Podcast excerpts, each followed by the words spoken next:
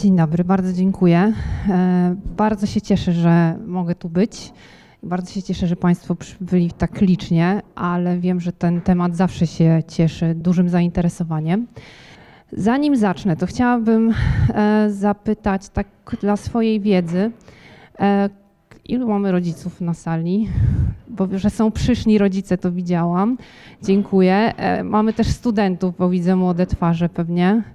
Okay. A czy mamy na sali może jeszcze jakieś osoby, które pracują z dziećmi, nauczycieli, okay, psychologów? Okej. Okay.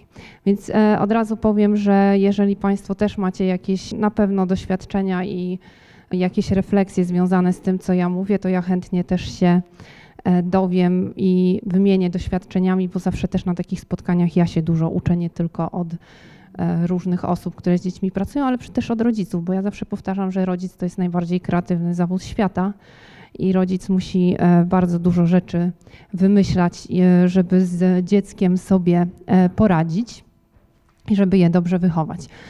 Zaczniemy od tego nagrody, kary czy konsekwencje, jak skutecznie motywować dziecko. Zaczniemy od tego, czym są nagrody, czym są kary, skąd to się wzięło, z, jaki, e, z jakiego nurtu e, psychologicznego. Potem powiem trochę o konsekwencjach i o tym tak naprawdę w jaki sposób, e, który z tych sposobów jest najlepszy, ale od razu też powiem, że nigdy nie jest tak, że to, co jest niby najlepsze według psychologów, jest na pewno najlepsze dla państwa dziecka albo dla dziecka, które jest w danej grupie przedszkolnej czy danej klasie, bo każde dziecko jest inne. Tak jak państwo jako rodzice jesteście też, każdy z Was jest inny, tak samo dzieci, które wychowujecie są inne. Mało tego, to, że jeden sposób zadziałał na starsze dziecko, nie oznacza, że zadziała na kolejne w tej samej rodzinie, bo dzieci są po prostu inne. E, takie motto, które wybrałam na, na motto dzisiejszego wykładu, to jest e, motto z mojego ulubionego Korczaka. Dziecko chce być dobre, jeśli nie umie, naucz, jeśli nie wie, wytłumacz, jeśli nie może, pomóż. To motto tak naprawdę jest związane z szacunkiem, powin, który powinien leżeć u podstaw każdego naszego kontaktu i relacji z dzieckiem. Tak? Jeżeli nie będzie w tych kontaktach i w relacji szacunku, to niewiele nam się e, uda zbudować. Druga rzecz, która, takie hasło, które przyświeca e, mojej pracy, to jest to, że jeżeli dziecko się źle zachowuje, to ono nam próbuje tym swoim złym zachowaniem coś powiedzieć tak? bo zachowanie to jest język dziecka. I e, tak naprawdę naszym zadaniem jest dowiedzieć się, co za tym zachowaniem się kryje i co dziecko nam próbuje powiedzieć, zanim je zmienimy, tak? Bo żeby je móc zmienić, musimy zrozumieć, dlaczego dziecko się tak zachowuje, a nie inaczej. Jest też takie e, hasło, które gdzieś w internecie krąży i myślę, że Państwo e, wielokrotnie się z nim e, spotkali że dziecko najwięcej potrzebuje miłości e, i zrozumienia wtedy, kiedy najmniej na nie zasługuje, czyli właśnie wtedy, kiedy się naj, e, najgorzej zachowuje w naszym odbiorze.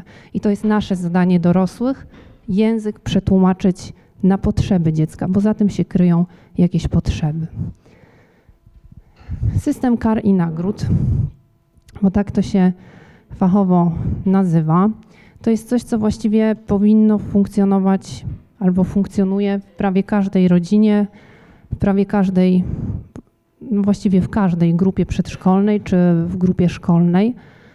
Mm, I u podstaw kar i nagród, te kary i nagrody są tak naprawdę technikami behawioralnymi i się wywodzą z behawioryzmu, czyli z tego nurtu, który y, bazuje na bodźcu i reakcji, tak? czyli zakłada modyfikację zachowania poprzez skojarzenie odpowiedniego zachowania z odpowiednim bodźcem. I te bodźce mogą być pozytywne lub negatywne. Tak, to jest takim dużym, dużym skrócie. I teraz to, czy Państwo znacie dobrze swój system kar i nagród, który obowiązuje w Waszym domu, to jest podstawa tego, czy Wasz proces wychowawczy będzie efektywny. Bardzo często jest tak, dlaczego ja mówię o tym, że znajomość? Dlatego, że bardzo często niestety u mnie w gabinecie siadają rodzice i okazuje się, że mama ma trochę inny system kar i nagród, a tata ma trochę inny. Czasami zdarza się również, że tata ma system kar, a mama w ogóle nie ma. I wtedy mamy problem. tak? Ponieważ dziecko nie wie do końca, jakie są reguły obowiązujące w tym domu, albo inaczej, wie bardzo dobrze, bo wie do kogo pójść. Jak chce uzyskać jedno, to idzie do mamy, a jak chce uzyskać coś innego, idzie do taty, tak? Albo się pojawiają, e, pojawia się manipulacja w kontaktach z rodzicami. Słuch, e, ktoś chciał zadać pytanie, tak? Nie. e, bardzo ważne jest to, żeby ani jednego, ani drugiego nie nadużywać.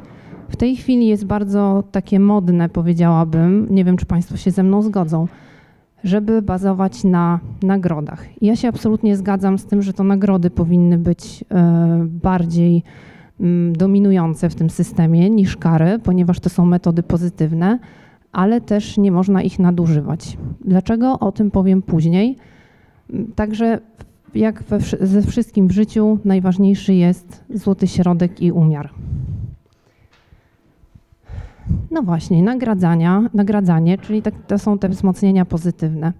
Tak, czyli e, mm, zachęcamy dziecko do tego, żeby zachowywały się w sposób, który, który, którego od niego oczekujemy, nagradzając je za to dobre zachowanie. No i tutaj ja Państwu pokazałam kilka przykładów. Z niektórymi się Państwo na pewno nie zgodzą. Na dole mamy słodycze. E, w jednym rogu mamy chłopca z tabletem, a w, jed, w drugim rogu mamy rodzinę. E, I jako psycholog wiem, że najlepsze są takie nagrody typu społecznego, czyli czas spędzony z rodziną, tak, jakieś ekstra wyjście dla dziecka, e, czy w ogóle uwaga poświęcona dziecku przez rodzica, ale żeby nagroda tak naprawdę zadziałała, to ona musi być atrakcyjna dla dziecka, a nie dla rodzica. I czasami zdarza się tak, że na dziecko nic innego nie działa, jak niestety na przykład 15 minut gra, gry w tableta, na tablecie czy w komputer. Albo niestety nie działa nic innego niż dodatkowa porcja słodyczy w weekend. Tak się czasami zdarza.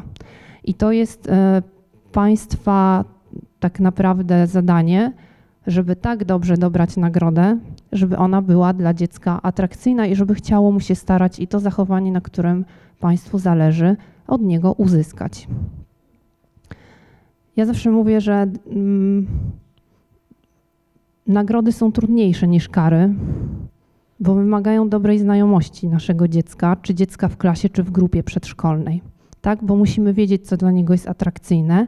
Mało tego, nagrody w klasie czy w grupie, a nawet w rodzinie, tak jak powiedziałam, że dzieci się w rodzinie również różnią, musimy zindywidualizować. Dlaczego kary są w związku z tym łatwiejsze? Tak naprawdę możemy je z automatu zastosować, tak? Nie musimy się zastanawiać, bo jeżeli zastosujemy karę granie na tablecie, zabranie gry na tablecie czy na komputerze, tudzież za, e, zakaz wychodzenia na dwór, czy oglądania telewizji, czy jedzenia słodyczy, to tak naprawdę to są kary, które działają w większości na wszystkie dzieci, tak? Ale już w drugą stronę nagrody jest trudniej wymyśleć i dlatego niestety mam takie poczucie, że kary są nadużywane w szkołach i w przedszkolach z tego powodu, że nauczycielowi jest po prostu łatwiej zastosować karę niż wymyśleć nagrodę, która będzie atrakcyjna dla dziecka konkretnego. Tak naprawdę, jaka informacja idzie za nagrodą e, dla dziecka? Nagroda jest, e, informacja jest taka, że ja, rodzic, widzę Twój wysiłek, widzę to, że próbujesz się starać. I mm, bardzo często jest też tak, że dla dziecka nagrodą nie musi być nic, co wymieniliśmy z tej listy poprzedniej, to były, to były przykłady, ale największą nagrodą dla dziecka jest uwaga rodzica i w ogóle to, że rodzic zauważył, że dziecko cokolwiek e, zrobiło.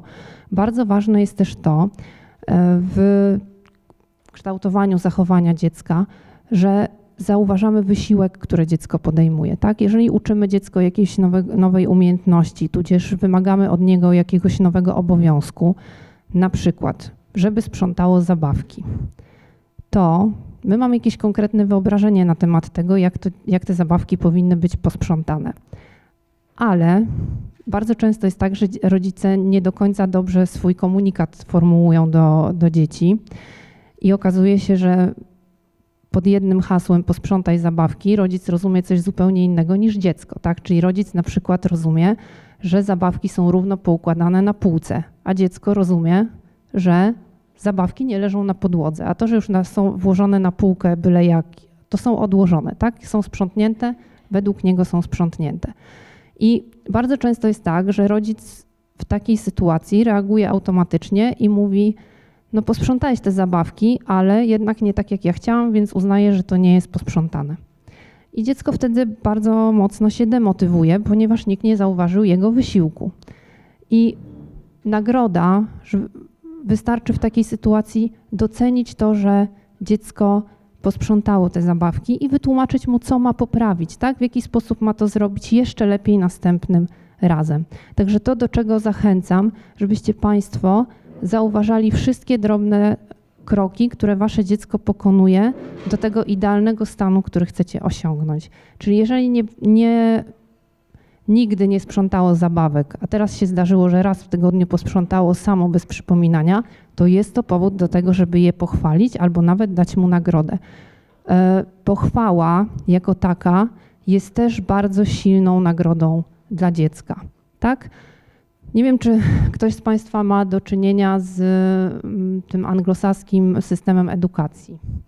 Miał ktoś do czynienia? Tam e, nauczyciele e, tej edukacji wczesnoszkolnej głównie są szkoleni w używaniu takich wow words. Nie wiem, czy Państwo wiedzą, co to jest wszystkie takie określenia super, świetnie, udało ci się, good job i tak dalej, i tak dalej. I okazuje się, że samo używanie tego typu e, słów w stosunku do dzieci już przynosi duże efekty. Tak, że dzieci się e, starają dużo bardziej, jeżeli słyszą takie słowa.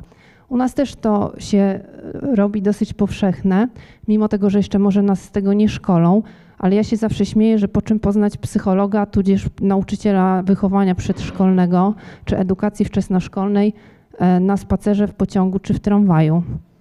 Bo z przyklejonym do twarzy uśmiechem mówi do dziecka świetnie, mimo tego, że dziecko e, jest to taki specyficzny bardzo sposób e, mówienia i osoby z branży od razu od, są w stanie rozpoznać osobę, która pracuje z dziećmi. Ale zachęcam Państwa do tego, żeby tych wow words używać, bo one naprawdę mają niesamowity efekt. Ja wiem, że dla rodziców jest to dosyć często trudne. Dlaczego? Dlatego, że do nas nikt tak nie mówił. Oczywiście generalizuję teraz, bo zdarzały się wyjątki, ale jednak my byliśmy raczej wychowywani w takiej kulturze karania niż nagradzania. I trudno jest zmienić teraz swoje e, podejście, ale warto to zrobić, naprawdę, ponieważ e, dzieci niesamowicie reagują na to, kiedy zostają zauważone ich wysiłki, kiedy dostają jakąkolwiek nagrodę. To nie musi być nic nie wiadomo jak e, dużego. Dla dzieci w wieku przedszkolnym nagrodą może być zwykła naklejka, tak, ale wręczona z uśmiechem, właśnie z tymi wow words, z tym docenieniem tego, że udało ci się, tak? Udało ci się, następnym razem też ci się uda i jeszcze lepiej, a w ogóle za kilka tygodni to będziesz mistrzem w tym, tej konkretnej rzeczy, więc próbuj dalej. Czemu te nagrody są takie, że działają mocno? Dlatego, że podkreślają właśnie pozytywne, pozytywne aspekty zachowania, tak? Nie skupiają się na tym, co złe, tylko na tym, co dobre. I nawet jeżeli mówimy dziecku o tym, że nie do końca jeszcze to jest taki efekt, jakbyśmy chcieli, żeby był, to zaczynamy mówić zawsze od tego, co było dobre. Tak? I to już jest ta nagroda, że rodzic, nauczyciel, ktokolwiek zauważył, że ja się staram, a jak zauważył, to znaczy, że warto się starać, bo ktoś to widzi.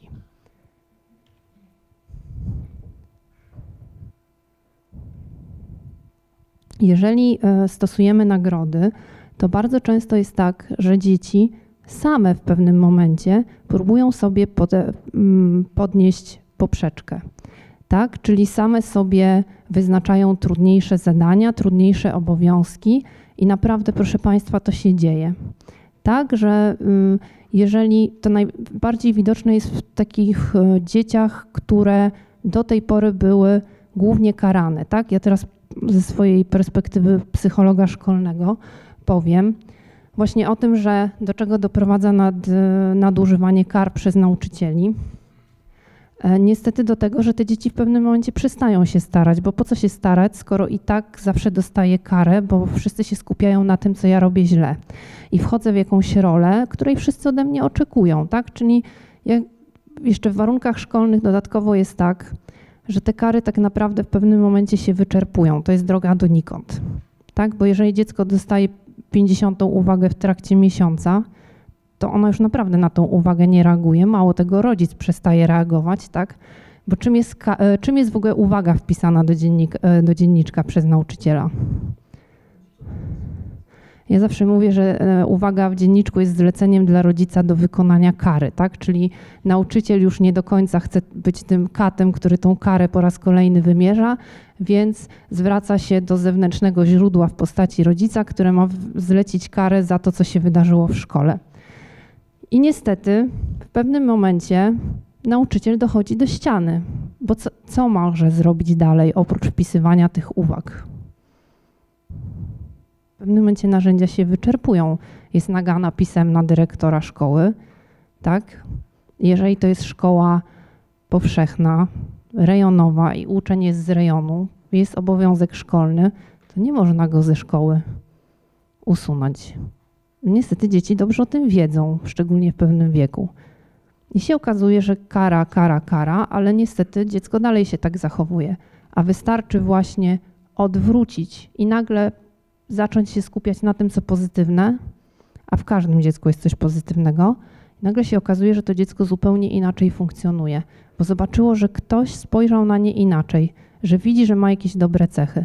Taki najbardziej E, ekstremalny przykład takiego zachowania, to co prawda mm, dzisiaj mieliśmy rozmawiać o dzieciach do 12 roku życia, to było w gimnazjum, ale opowiem o tym dlatego, że uważam, że to naprawdę mm, świetnie pokazuje o, e, przykład tego właśnie nagradzania w postaci pochwał. Kiedyś prowadziłam warsztaty w gimnazjum, jednorazowe, takie naprawdę one trwały trzy godziny i weszliśmy z koleżanką, z którą współpracuję do klasy. W tej, ta klasa podobno była tak zła, że wszyscy nas ostrzegali, a jak wyszłyśmy do szkoły, to ksiądz powiedział do nas, że on jest w sali obok i jakby się coś działo, to mamy go wzywać na pomoc, bo tam jest kilku takich gagatków, z którymi nikt sobie nie może poradzić. No więc weszłyśmy już z taką odpowiednim nastawieniem, co tam się może dziać. To było gimnazjum w takiej e, miejscowości niewielkiej pod Gdańskiem. No i faktycznie było dwóch gagatków, którzy Klasyczne badanie granic, wchodzimy do klasy, oni siedzą sobie z tyłu, nogi na stole, wyciągają, już nie pamiętam, to była chyba druga klasa gimnazjum, nogi na stole, jakieś lody wyciągnięte, bo to lato było. No i oczywiście, a co pani mi tutaj może i tak dalej, i tak dalej. Cała klasa hi, hi, hi, hi i nic nie można zrobić. No więc stwierdziłyśmy, że jedyne, co nam pozostaje, to tego chłopaka pochwalić. Za co można go pochwalić? Za odwagę. Za co jeszcze? Że jest szczery. Za co jeszcze? Bardzo dobrze, że jest świetnym liderem. Skoro jest takim świetnym liderem i po prostu cała klasa za nim idzie, to może będzie takim świetnym liderem też pozytywnym. I e, podzieliłyśmy klasę na grupy, pracowali w grupach. Jednego dałyśmy do jednej grupy jako lidera, drugiego do drugiej. E, bardzo fajnie te warsztaty wyszły. Po czym po, chyba po dwóch tygodniach dzwoni do nas pani dyrektor tej szkoły i mówi, że ona nie wie, co myśmy zrobiły, ale tych dwóch chłopców nagle zorganizowało zbiórkę jakichś e, zabawek dla dzieci z domu dziecka, zaangażowali całą szkołę i w ogóle odmienieni są. I właśnie tak jak pani dzisiaj powiedziała, że czasami jest tak, że rodzic mówi napraw mi e, moje dziecko, tak tutaj czasami jest tak, że nauczycielom się wydaje, że psycholog ma magiczną różdżkę, którą zamacha i dzieci się zmienią. Nie, po prostu przychodzi, popatrzy, ma trochę inne e, spojrzenie jako osoba z zewnątrz i dodatkowo trochę większą wiedzę na temat pewnych mechanizmów. I się okazuje, że tylko taka mała rzecz, jak to, żeby pokazać temu dzieciakowi, że on może w inny sposób wykorzystać te umiejętności, które ma, zadziałała. Tak, nie wiem, jak potem potoczyły się losy tego chłopca i czy faktycznie ta zmiana była trwała. To pewnie zależało od tego, czy grono pedagogiczne było w stanie E, prze swoje jakby stereotypy na temat tego dziecka i etykietę, którą mu przy, e, którą na pewno już miał e, zmienić, ale samo to pokazuje, że czasami jedno dobre słowo może zdziałać cuda. Więc naprawdę proszę, proszę chwalić swoje dzieci i czasami rodzice się zastanawiają, czy jak będę za dużo chwalił, to czy można przesadzić z, z chwaleniem. Pewnie można i też dzisiaj o tym trochę powiem, ale jednak zawsze łatwiej zmodyfikować to, co się złego zrobi zbyt dużą ilością nagród, niż to, co się zrobi zbyt dużą ilością kar. No i co zrobić, żeby te nagrody były mm, efektywne? Po pierwsze, nagrodę, nagroda musi być wręczona czy zastosowana, jeżeli to jest pochwała, od razu po tym, jak to zachowanie się dobre pojawi. Kolejna e, rzecz. Muszą być niezależne od dobrego humoru rodzica. Czyli jeżeli pracujemy nad tym, żeby dziecko jakieś mm, wzmocniło jakieś zachowanie, żeby w jakiś sposób nabyło nową umiejętność, to za każdym razem, kiedy dziecko w taki sposób się zachowa, jaki byśmy tego oczekiwali, ta nagroda musi być natychmiastowa, tak? Jeżeli nawet nie ma, nie wiem, ustalamy, że dziecko za coś tam zbiera naklejki, na przykład za mycie zębów, to jest duży problem, szczególnie wśród przedszkolaków. To jeżeli e, dziecko ma być bez szemrania, jak ja to mówię, z zęby dwa razy dziennie i ma za to dostawać naklejkę, czasami jest tak, że nie wiem, nie mamy tej naklejki, bo zabrakło cokolwiek innego, to wystarczy, że pochwalimy to dziecko i powiemy: Słuchaj, jutro ci kupię tą naklejkę, pójdziemy do sklepu i sam sobie wybierzesz. Warunek jest tego taki, żeby oczywiście tej obietnicy dotrzymać. No i następne pytanie, co zrobić, żeby w którym momencie te nagrody wycofać? Ponieważ, nie wiem czy to już było, czasami jest, czasami jest tak, że stosujemy coś takiego na przykład jak e, tablica motywacyjna. Ktoś z Państwa się z tym spotkał? Na pewno nauczyciele, którzy pracują w przedszkolu, się z tablicami motywacyjnymi spotkali. To jest taki system pokrótce, którym dziec wyznaczamy dziecku jakieś obowiązki czy jakieś zasady, których ma przestrzegać i mm, za to przestrzeganie tych zasad czy wykonywanie obowiązków dziecko zbiera punkty i na koniec tygodnia za tam ustaloną odpowiednią ilość punktów dostaje jakąś nagrodę. Niestety w przedszkolach czasami się zdarza, że ten system jest trochę wypaczony, bo żeby tablica motywacyjna dobrze działała, to ona musi się skupiać tylko na pozytywach, czyli przyznajemy punkty tylko i wyłącznie za to, co dziecko zrobiło dobrze. Jeżeli nie zrobiło czegoś albo zrobiło to źle, to po prostu tego nie komentujemy, ale nie przyznajemy również punktu. I rodzice często pytają: No dobrze, ale jak on już po prostu będzie te zęby mył cały czas, to w pewnym momencie, co ja już do końca życia będę musiał mu dawać cukierki za mycie zębów, albo będę musiał mu wychodzić z nim do kina co tydzień, bo on świetnie mył zęby przez cały tydzień, nawet jak będzie miał lat 15, 18, 30, to już tak żartem. No nie, proszę Państwa. Chodzi o to, żeby to zachowanie się utrwaliło, to w pewnym momencie trzeba też tą, zacząć tą nagrodę wycofywać. Więc najlepiej robić to w sposób przerywany, tak? Powiedzieć można nawet dziecku, że widzę, że już świetnie sobie radzisz z tym myciem zębów, albo świetnie sobie radzisz z mówieniem proszę, dziękuję, przepraszam, albo świetnie sobie radzisz ze ścieleniem łóżka rano, albo porannym ubieraniem się bez marudzenia w związku z tym wydaje mi się, że teraz już możemy zrezygnować z tej nagrody. Ja tak sobie będę obserwować i co jakiś czas, jak stwierdzę, że dzisiaj było jakoś super, to tą nagrodę ci dam. Tak? A w takim razie proponuję, żeby tą nagrodę za coś innego. Czasami jest tak, znaczy nawet bardzo często, że dzieciaki będą negocjować, tak? No bo właściwie skoro już te zęby myję, to dlaczego mam się taki łatwy sposób tej nagrody pozbywać? E, tutaj zachęcam do tego, żeby z dziećmi rozmawiać i pozwalać na te negocjacje. Tak, będę trochę więcej o tym mówić e, na warsztacie. I to jest, e, tutaj wrócę do tego, co pokazałam na pierwszym slajdzie, tego motta Korczaka, że u podstaw naszych kontaktów z dzieckiem powinien być obopólny szacunek, tak? Więc to nie ja zdecyduję o tym, że tą nagrodę wycofuję, tylko moim zadaniem jest dogadać się z dzieckiem tak, żeby ono zaakceptowało ten pomysł. Generalnie przy wszystkim, o czym dzisiaj rozmawiamy, ważne jest, żeby dziecko zaakceptowało. Czy to jest kara? Karę może trudno jest zaakceptować, ale żeby dziecko przynajmniej wiedziało, za co tą karę dostaje i rozumiało, bo niestety czasami jest z tym problem.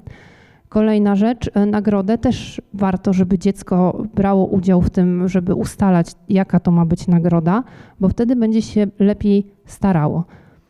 Oczywiście, no jeżeli to jest dwulatek, bo też się zdarza, że dwulatki zbierają e, naklejki, no to tutaj trochę trudniej negocjować, tak? Bo czasami się zdarza, że to dziecko jeszcze, no, nawet bardzo często, że jeszcze dobrze nie mówi, tak?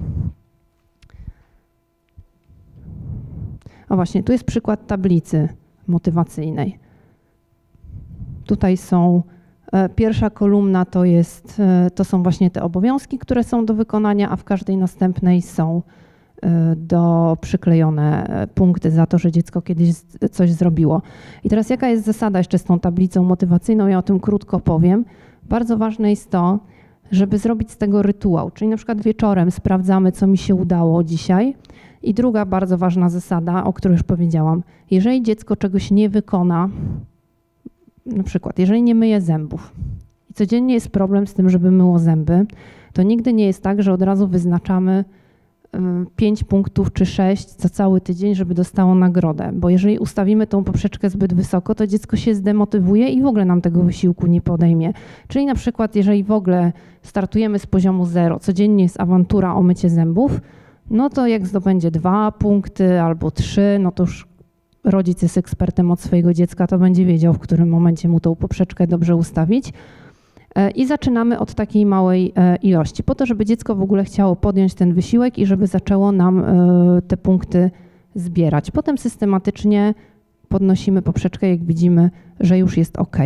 Natomiast jeżeli dziecko ma ustalone, że ma zebrać trzy punkty w ciągu tygodnia, to po prostu wieczorem sprawdzamy. Poniedziałek pierwszego dnia świetnie umył, bo efekt nowości zadziałał, świetnie zebrało naklejkę, z chęcią tego podeszło. We wtorek jeszcze też poszło super. Już rodzic się nastawia, że załapał i przez cały tydzień będą same buźki. No i przychodzi środa, a tu się okazuje, że dziecko nie chce myć zębów. No i to jest bardzo trudne zadanie przed rodzicem, bo należy dziecku pozwolić na to, żeby tych zębów nie umyło. I mało tego jeszcze, tego nie skomentować, bo to ma być wybór dziecka. Ono wie. Tablica motywacyjna jeszcze dodatkowo ma ten atut, że ona um, uczy dziecko podejmowania wyborów i konsekwencji swoich działań i mało takiego myślenia strategicznego. Tak, bo jeżeli dziecko wie, że w ciągu tygodnia ma zebrać trzy naklejki, a dzisiaj jest już powiedzmy czwartek, to już dzisiaj jak nie umyje tych zębów, to nie ma szans, że do soboty zbierze te trzy naklejki, tak? No ale to można mu przypomnieć, słuchaj, jesteś pewien tej decyzji, dzisiaj jest czwartek, zobacz, został czwartek, piątek, sobota, masz trzy dni tylko szansy, no jeżeli dzisiaj nie umyjesz, to już nie ma szans na to, że tą nagrodę na koniec tygodnia dostaniesz, ale to jest dziecka wybór. No i niestety jest też tak, że to bardzo często rodzicom jest ciężko zaakceptować ten fakt, że dziecko nie umyło zębów. Ale ja zawsze powtarzam, że my też jeszcze od niemycia zębów Nikt nie umarł raz w tygodniu, jak nie umyje, i nam się też czasami zdarza pójść spać z brudnymi zębami, prawda?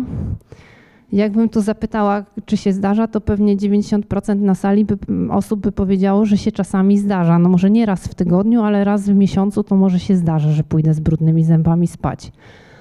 E, kolejna kwestia. My też czasami podejmujemy decyzję o tym, że w dorosłym życiu że nie przestrzegamy jakiejś zasady i liczymy się z tym, że możemy ponieść konsekwencje. Najprostszy przykład. Każdy z nas kiedyś przekroczył dozwoloną prędkość jadąc samochodem, prawda? Ale to jest kwestia wyboru. Czasami jest sytuacja, w której wydaje nam się, że nie mamy wyboru i musimy. Trudno, jak nas złapie policja, to się liczymy z tym, że zapłacimy mandat i dostaniemy punkty karne. A od dzieci wymagamy tego, żeby robiły na 100%. Więc dajmy im też szansę tego, żeby umiały podjąć tą decyzję, ponieść jej konsekwencje. Tak? I żeby się też uczyły tego myślenia, tak? No bo zarządzają wtedy. No dobra, dzisiaj mamy dwie naklejki, została mi jeszcze jedna, to do końca tygodnia mam labę, już nie muszę myć zębów. Ale może sobie nie myłem przez dwa dni, a teraz no już niestety muszę. To, co jest... Mhm. Moim zdaniem do wieku przedszkolnym jak najbardziej się sprawdza, ale mówię, bardzo ważne jest to, żeby były na niej tylko uśmiechnięte, tak? I te punkty, które świadczą o tym, że mi się udało, nie, nie zaznaczamy, kiedy się nie udało. E, Czasami w wieku, w, tym, w tej edukacji wczesnoszkolnej, ale to zależy od tego, czy nauczyciel umiejętnie tej, e, tej tablicy motywacyjnej e, używa. W, ale też znam przypadki, że nie działa ta tablica motywacyjna na dziecko, więc to musicie Państwo sami zdecydować, czy na Wasze dziecko to będzie działało, czy nie. Mało tego, tablica motywacyjna wymaga dużej konsekwencji ze strony rodzica, bo ja muszę to codziennie sprawdzić. No i muszę być przygotowanym na to, że czasami dziecko zrobi coś nie po mojej myśli. Więc jeżeli ktoś jest zębowym pedantem i chce, że musi być codziennie umyte, muszą być codziennie umyte zęby, to nie wprowadza w zakresie zębów, mycia zębów tablicy motywacyjnej. Niestety, jak wszystko w życiu, nagrody też mają negatywne e, strony. I tutaj nie wiem, czy Państwo widzą ten obrazek, jest e, czy on jest dosyć widoczny, że dziecko mówi do mamy: Odrobię lekcję, jak mi dasz 20 zł. No więc czasami zdarza się tak, że efekt mm, nagradzania jest taki, że dziecko rozwija w sobie postawę roszczeniową. Mówimy tutaj o nadmiarze nagród i za wszystko, co robi, wymaga, mm, wymaga nagrody. Dlatego też nagrody typu materialnego są dużo słabsze, bo to one głównie to materialistyczne nastawienie będą rozwijać i tą postawę roszczeniową. Jeżeli będziecie Państwo bazować na nagrodach typu społecznego, to zagrożenie będzie mniejsze. Taka anegdotka a propos tych, mm, tych mm, odrabiania prac za 20 zł. W zeszłym roku moja koleżanka pojechała na wakacje na kolonie z dziećmi i chyba pierwszoklasista to był, jak dobrze pamiętam, pierwszej nocy, pierwszego poranka hasło ścielimy łóżko, a mały mówi, no jak pani mi zapłaci 5 zł, to pościelę, bo w domu rodzice mi płacą za ścielenie łóżka, tak? Więc e, to dowód na to, że płacenie i dawanie dzieciom pieniędzy za różne rzeczy, które powinny robić, to jest droga donikąd. To, o czym już powiedziałam też przy tablicy motywacyjnej, że nagrody to jest coś, co działa, ale potrzeba na to czasu. To nie jest tak, że od razu. E, To też wynika z tego, że mm, jeżeli nie stosowaliśmy nagród do tej pory, to wszyscy musimy się do tego przyzwyczaić i dziecko, tak, musi y, wejść jakby w rytm tego, że jak mu się uda, to tą nagrodę dostaje, ale też państwo musicie zmienić swoje trochę nastawienie, optykę patrzenia na dziecko, czyli na to, że się skupiacie na tym, co jest dobre, a nie na tym, co złe.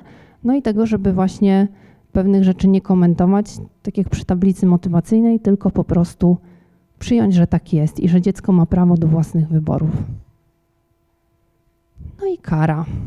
Ktoś ma pytanie, słucham. Tak sobie pomyślałem, zanim do tych kar przejdziemy, spotkałem się w szkole z takim mechanizmem jakby samonagradzania. Rozdałem dzieciom takie przypinki, plakietki, na których zbierały gwiazdki.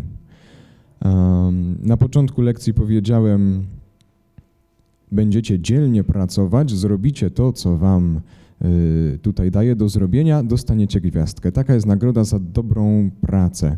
Jeden z chłopców nie pracował, nie zrobił tego, y, co miał wyznaczone i mówię Mikołaj, nie możesz dostać gwiazdki, bo nie pracowałeś. Po czym on, no, no nie mogę przytoczyć słów, w jakich zareagował, nie wypada mi. W każdym razie powiedział, że y, nie ma to dla niego, powiedzmy, znaczenia, po czym złapał jakąś taką pieczątkę z misiem i w miejsce tej gwiazdki sobie przybił pieczątkę i on się sam nagrodził w ten sposób. Gorzej zrobił. E, Obwieścił wszem i wobec, że jego miś przypieczętowany jest 100 razy lepszy od mojej głupiej gwiazdki, którą naklejam. W związku z tym dzieci też podniosły bunt, że też chcą misie, a nie gwiazdki. I teraz pytanie brzmi, y, ja niestety nie pamiętam, nie pamiętam niestety, jak y, w tej sytuacji zareagowałem. Y, Mogę później powiedzieć, jak ostatecznie z tego wybrnąłem, natomiast pytanie brzmi, jak sobie poradzić w takiej, w tym momencie, jak zażegnać, nie wiem, bunt albo, albo jak to inaczej tam nazwać. Przede wszystkim w szkole jest tutaj jeszcze działa dodatkowa kwestia tej efektu grupy, tak, i ekspozycji społecznej. Dużo inaczej, zupełnie inaczej dziecko odbiera brak nagrody w warunkach domowych, a zupełnie inaczej na forum grupy rówieśniczej. E, I pierwszy sposób, który przychodzi mi do głowy, żeby prewencyjny, żeby uniknąć takiej sytuacji, e, czyli na, kiedy wprowadzamy jakiś system motywacyjny dzieciom w szkole, na przykład dzieciom, które mają problem z nadpobudliwością psychoruchową, wprowadzamy im na przykład zeszyt dobrych wiadomości, czyli muszą codziennie przynieść e, jakąś pochwałę ze szkoły to ja zawsze radzę, żeby nie było takiej sytuacji, że nie da się dziecko za coś pochwalić, to żebyśmy to rozbili przynajmniej na dwie rzeczy. Pierwsza to jest, za zachow- to jest zachowanie, a druga to jest yy, praca na lekcji. Tak? Czyli i nawet jeżeli nie będzie pracował na lekcji, to być może coś się znajdzie do pochwalenia za zachowanie albo na odwrót.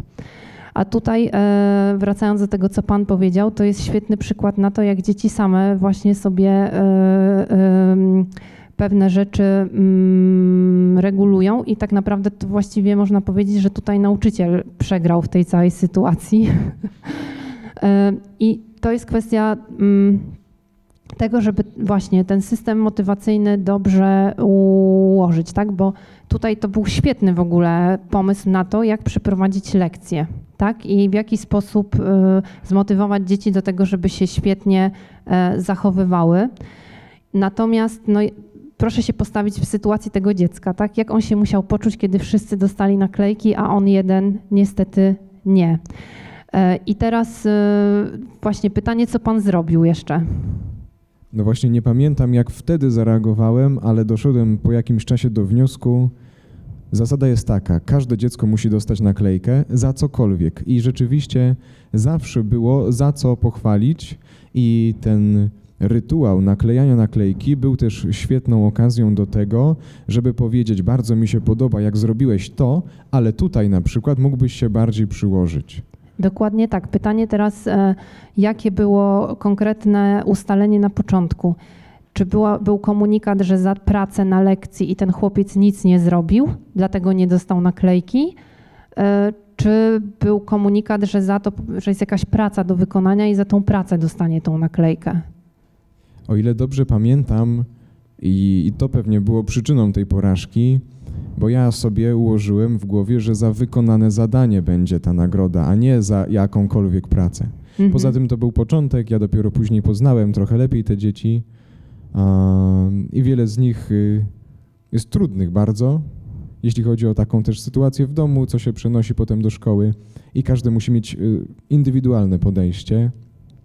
Ale pamiętam, że to chyba było powodem właśnie tej porażki, że za wykonane zadanie była nagroda. A on pracował, ale nie do końca. Dokładnie tak. Czyli e, tutaj błąd polegał na tym, że E, nie, nie docenił Pan jego wysiłków tak naprawdę, tak? Bo i, świetnie Pan jakby wyciągnął już e, wnioski, że trzeba, każde dziecko musi tą naklejkę dostać, tak? Czyli jest kwestia ustawienia tak, żeby dziecko miało poczucie, że mu się udało, tak? Że nawet jak dostanie komunikat, że musi coś poprawić, ale sam fakt, że dostało tą naklejkę, to już następnym razem będzie się starało. A tak naprawdę to też jest świetny przykład na to, jak ten, ten chłopiec potem mógł, mogło się tak skończyć, że on bardzo by przeszkadzał dalej na lekcjach, no bo skoro raz nie dostał, no to już nawet się nie będzie starał, bo jakby upokorzenie, którego doznał na forum klasy było, pewnie to była jakaś edukacja wczesnoszkolna, pierwsza pewnie klasa. E, było tak duże, że moim zdaniem byłoby mu nawet trudno sobie z tym poradzić, tym bardziej, że Państwo też wiecie, że dzieci potrafią być okrutne i mogło być tak potem, że się wszyscy z niego śmiali, że a ty jeden nie dostałeś e, naklejki, nie? Więc na przykład też można było zrobić tak, żeby powiedzieć, y, że jeżeli się poprawisz, na przykład, nie wiem, zostaniesz na przerwie i popracujesz, to wtedy też dostaniesz naklejkę, tak? I to jest też jakiś sposób wybrnięcia. Ja też później zauważyłem, y, nie tylko, żeby motywować w trakcie lekcji, pamiętajcie, naklejki czekają, ale jeszcze zawsze dawać szansę. Jeszcze mamy 30 sekund, zrób tutaj cokolwiek, jeszcze tu popraw, to to, to będzie ok. Dokładnie tak. I tu macie Państwo piękny przykład na to, że nie, e, że dzieci, że trzeba ten jakikolwiek wysiłek dostrzegać, tak? Że jeżeli dziecko się stara, a zawsze, jeżeli ma obiecaną nagrodę, jakiś wysiłek podejmie. Mało tego, jeżeli dziecko Państwu mówi, tak jak ten chłopiec powiedział, że ta naklejka jest głupia i w ogóle go nie interesuje, to to nie jest prawda. Bo samo to, że on sobie zorganizował inny sposób nagrody, świadczy o tym, że ta naklejka była dla niego bardzo istotna. E, więc zachęcam do tego, żeby dzieci chwalić jak najbardziej w każdym najmniejszym przejawie wysiłku, który one podejmują. No to teraz kary. Dlaczego stosujemy kary? No, jest ktoś na sali, kto nigdy nie zastosował kary? Ręka do góry. Nie ma. No to czemu Państwo stosujecie kary? Bo rodzice stosowali. Ja, ja mogę powiedzieć to, jaką ja, ja raz na u swojej córki, ale ona ma 10 lat, zastosowałam karę taką, bo już mi nie starczyło po prostu argumentów i siły na rozmowę z nią.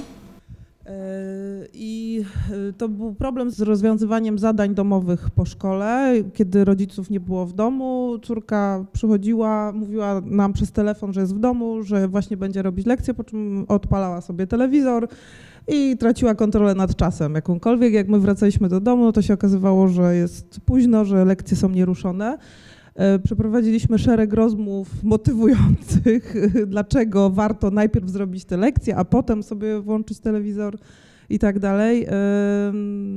Różne metody też stosowaliśmy, jakby jak jej się udało jakiekolwiek właśnie chociaż jedno zadanie rozwiązać, to też ją nagradzaliśmy za to, że no dobra, zobacz Zuza, ale tu super, że, że to zrobiłaś, zobacz, niewiele czasu musiałaś na to poświęcić.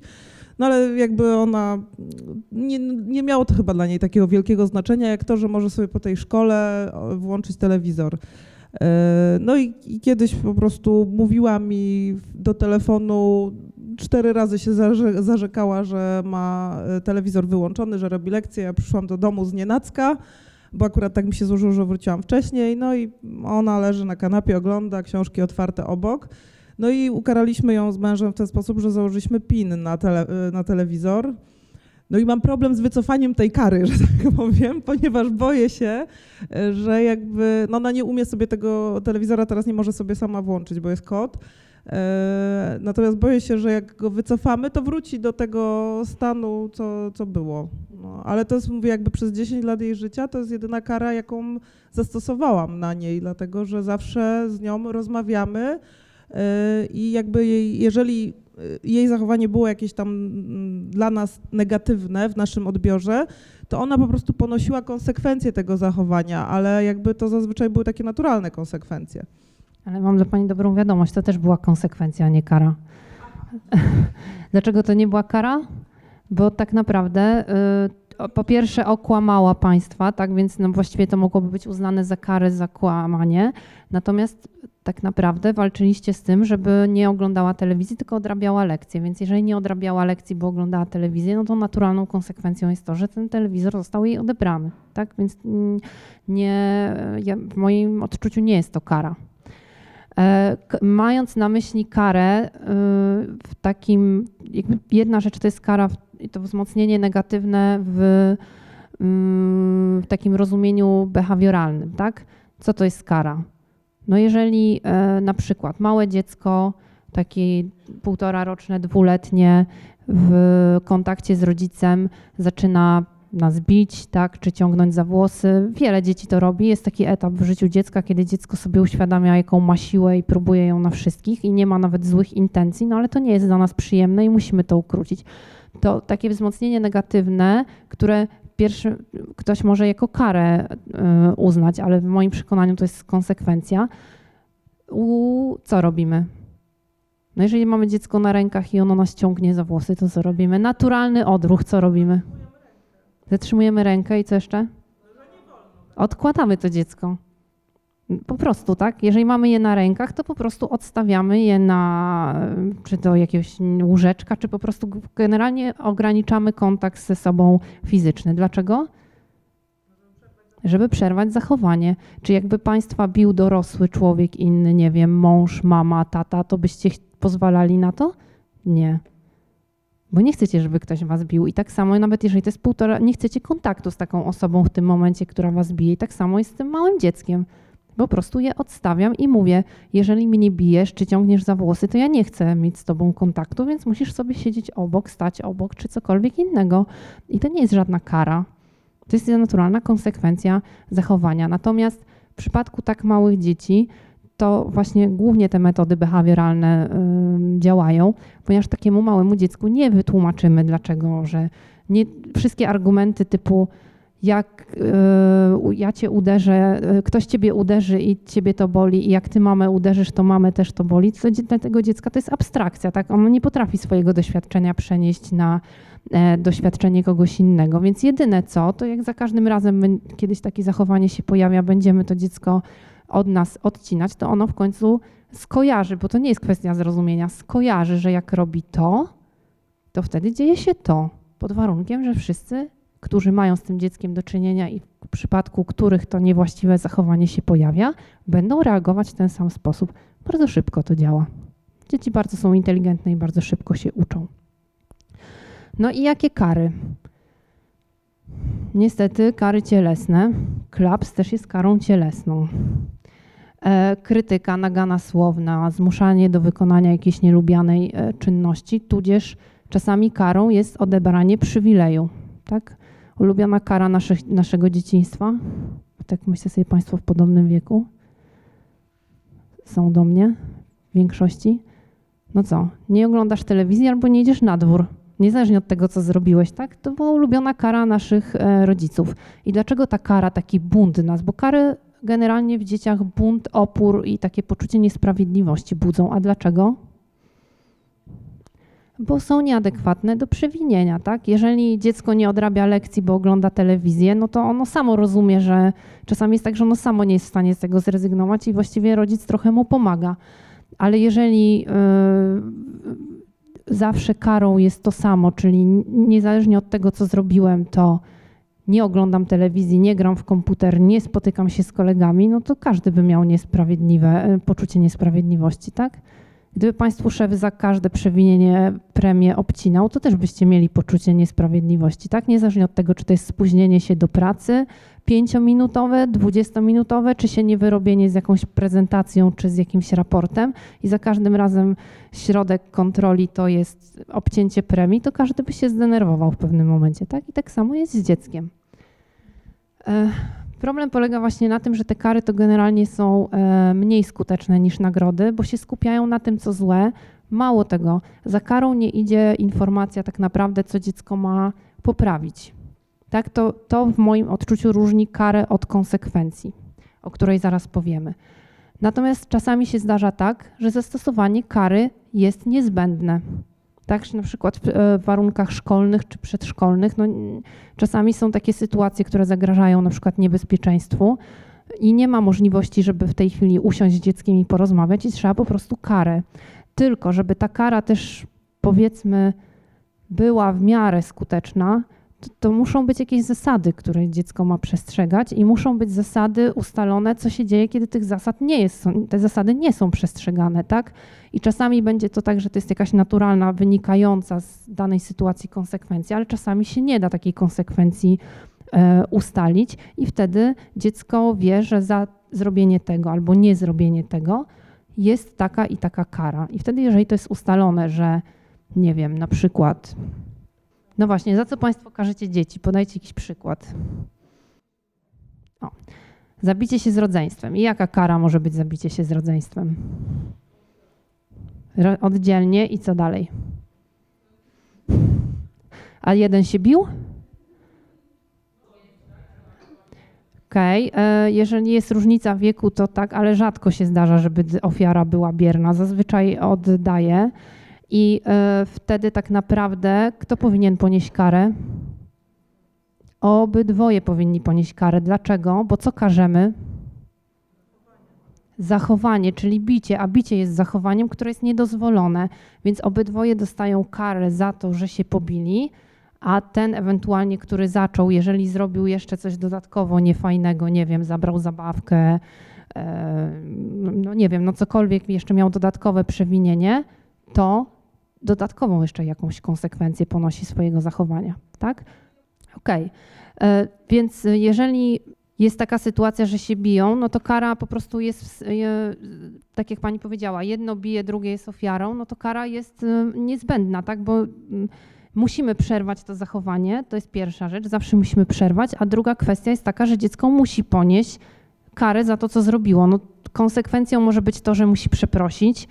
Od razu uwaga i dygresja na temat przepraszania.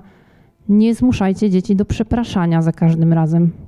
Tak, bo potem się zrobi tak zwane nawykowe przepraszanie i dziecko nawet nie patrzy na tego, którego ma przeprosić, tylko już gdzieś w ogóle błądzi wzrokiem gdzie indziej, powie przepraszam i uważa, że jest wszystko załatwione. To się szczególnie dzieje właśnie e, w warunkach e, jakichś bicia się z młodszym rodzeństwem, tudzież w szkole czy w przedszkolu. Ja zawsze mówię tak, czy Państwu łatwo przechodzi przez usta słowo przepraszam? Jak się kłócicie na przykład ze swoim partnerem czy partnerką, łatwo Wam jest powiedzieć przepraszam i przyznać się do tego, że macie za co przeprosić? Nie. To czemu wymagacie tego od swoich dzieci? Czasami jest tak, że przepraszamy w inny sposób. Nie zawsze musimy powiedzieć słowo przepraszam, tak? Przepraszamy podając, nie wiem, lampkę wina, tak? Zapraszając na kolację, przytulając się, mówiąc dobre słowo i druga strona wie, że to jest tak naprawdę przeproszenie. A, co, a czego od dziecka wymagamy? Żeby za każdym razem powiedziało przepraszam. I potem mamy właśnie sytuację, w której dziecko uważa, że za, przepraszam załatwia wszystko. Jeżeli jak się powie przepraszam, to sprawa jest załatwiona, tylko ono bardzo często nie wie, za co, ma, za co tak naprawdę przepraszało i co zrobiło i na czym polega mm, to, że ta druga strona czuje się pokrzywdzona. I druga kwestia, jeśli chodzi o kary, że kary bardzo często nie wygaszają tego zachowania, które dla nas jest niepokojące, tylko je tłumią. Czyli wtedy, kiedy jest w pobliżu osoba, która tą karę wyznacza i dzieci wiedzą, że ta kara będzie za każdym razem, to wtedy się zachowują tak, jak, się powin, jak my od nich od tego oczekujemy. Ale wystarczy, że ta osoba się, ten dorosły się z pola widzenia usunie i wtedy natychmiast to zachowanie się pojawia. Kto pracuje w szkole, to wie, że dzieci najczęściej się biją wtedy, kiedy nauczyciel nie widzi, czy w przedszkolu, bo wiedzą, że jak nauczyciel konsekwentnie reaguje, to kara będzie, ale tak naprawdę chodzi o to, żeby dojść, dlaczego oni się biją, tak? Bo jeżeli ciągle biją tą samą osobę, albo ciągle dwóch się ciągle bije, mają jakiś konflikt, no to trzeba dojść, dlaczego ten konflikt się dzieje i popracować nad jego rozwiązaniem. Czyli kary generalnie są mniej mniej skuteczne. I tutaj znowu Korczak, tak, który mówi, że wszystko, co osiągnięte tresurą, naciskiem, przemocą, a kary w jakimś sensie te takie nieadekwatne mogą być odczuwane jako przemocowe przez dzieci, jest nietrwałe, niepewne i zawodne. Mówiłam już o tym, że kara nie dostarcza informacji o tym, jakie zachowanie jest właściwe. I teraz tak naprawdę wracam do tego, co powiedziałam na początku, że zachowanie dziecka jest jego językiem. I jeżeli uwaga to jest coś tak duże, uwaga, którą wy poświęcacie swoim dzieciom, jest tak wielkim narzędziem i takim mm, skarbem, który macie, że często sobie nawet Państwo nie zdajecie z tego sprawy. Uwaga rodzica jest dla dziecka zawsze najważniejsza i najbardziej wartościowa. Bardzo często jest tak, że my nie zwracamy uwagi na nasze dzieci, szczególnie mówię o tych małych dzieciach, kiedy one są grzeczne. A kiedy na nie zwracamy uwagę? Kiedy robią coś, czego, czego nie chcemy, żeby robiły, albo kiedy robią coś, co jest niegrzeczne. I dlatego bardzo często jest tak, że to my sami prowokujemy to zachowanie, bo jeżeli ciągle jesteśmy zajęci, ciągle nie mamy czasu, albo no jest jakaś, zdarza się tak, że są jakieś takie okresy gorące w naszym życiu, że nie możemy temu dziecku poświęcić tyle czasu, ile byśmy chcieli, ile ono potrzebuje. I wtedy zazwyczaj jest tak, że to zachowanie się pogarsza. Tak? Bo jeżeli ja się zachowuję grzecznie, to rodzic na mnie nie zwraca uwagi, ale jak zacznę wchodzić na szafę, mówię o takim na przykład trzylatku, tak, albo podchodzić do telewizora czy do ukochanego sprzętu grającego taty i kręcić gałkami, to mam jak w banku, że na mnie zwróci uwagę, prawda? I wtedy też my nie, nie e, świadomie wzmacniamy to zachowanie, tak? Bo jeżeli za każdym razem będziemy na takie coś zwracać uwagę, to dziecko będzie za każdym razem, kiedy tej uwagi będzie potrzebowało, będzie to robiło, bo dzieci się szybko uczą, co zwraca rodzica uwagę i gdzie, e, że tak powiem, tą szpilkę odpowiednio wbić, żeby rodzic zareagował. I ta uwaga też powoduje, że to jest, działa w drugą stronę. Czyli jeżeli pomijacie jakieś zachowanie, to możecie je wygasić nie zwracając uwagi. Jeżeli się pojawia na przykład pierwszy, drugi raz. Taka sytuacja klasyczna, w której pomijanie działa przy pierwszym razie, bo potem jak już się raz zadziało, to rzadko się udaje, żeby się nie zadziało po raz drugi. Bunt dwulatka i co się pojawia w buncie dwulatka? No i czego się najbardziej boimy, że gdzie nam się rzuci na tą podłogę? W sklepie. I jeżeli w sklepie y, za pierwszym razem chociaż się w nas gotuje i mamy poczucie, że cały supermarket się na nas patrzy i, za, i za, jeszcze się pojawiają dobre ciocie naokoło, które mówią, a ja cię zabiorę chłopczyku albo coś równie in, innego, co wydaje mi się, że nam pomoże.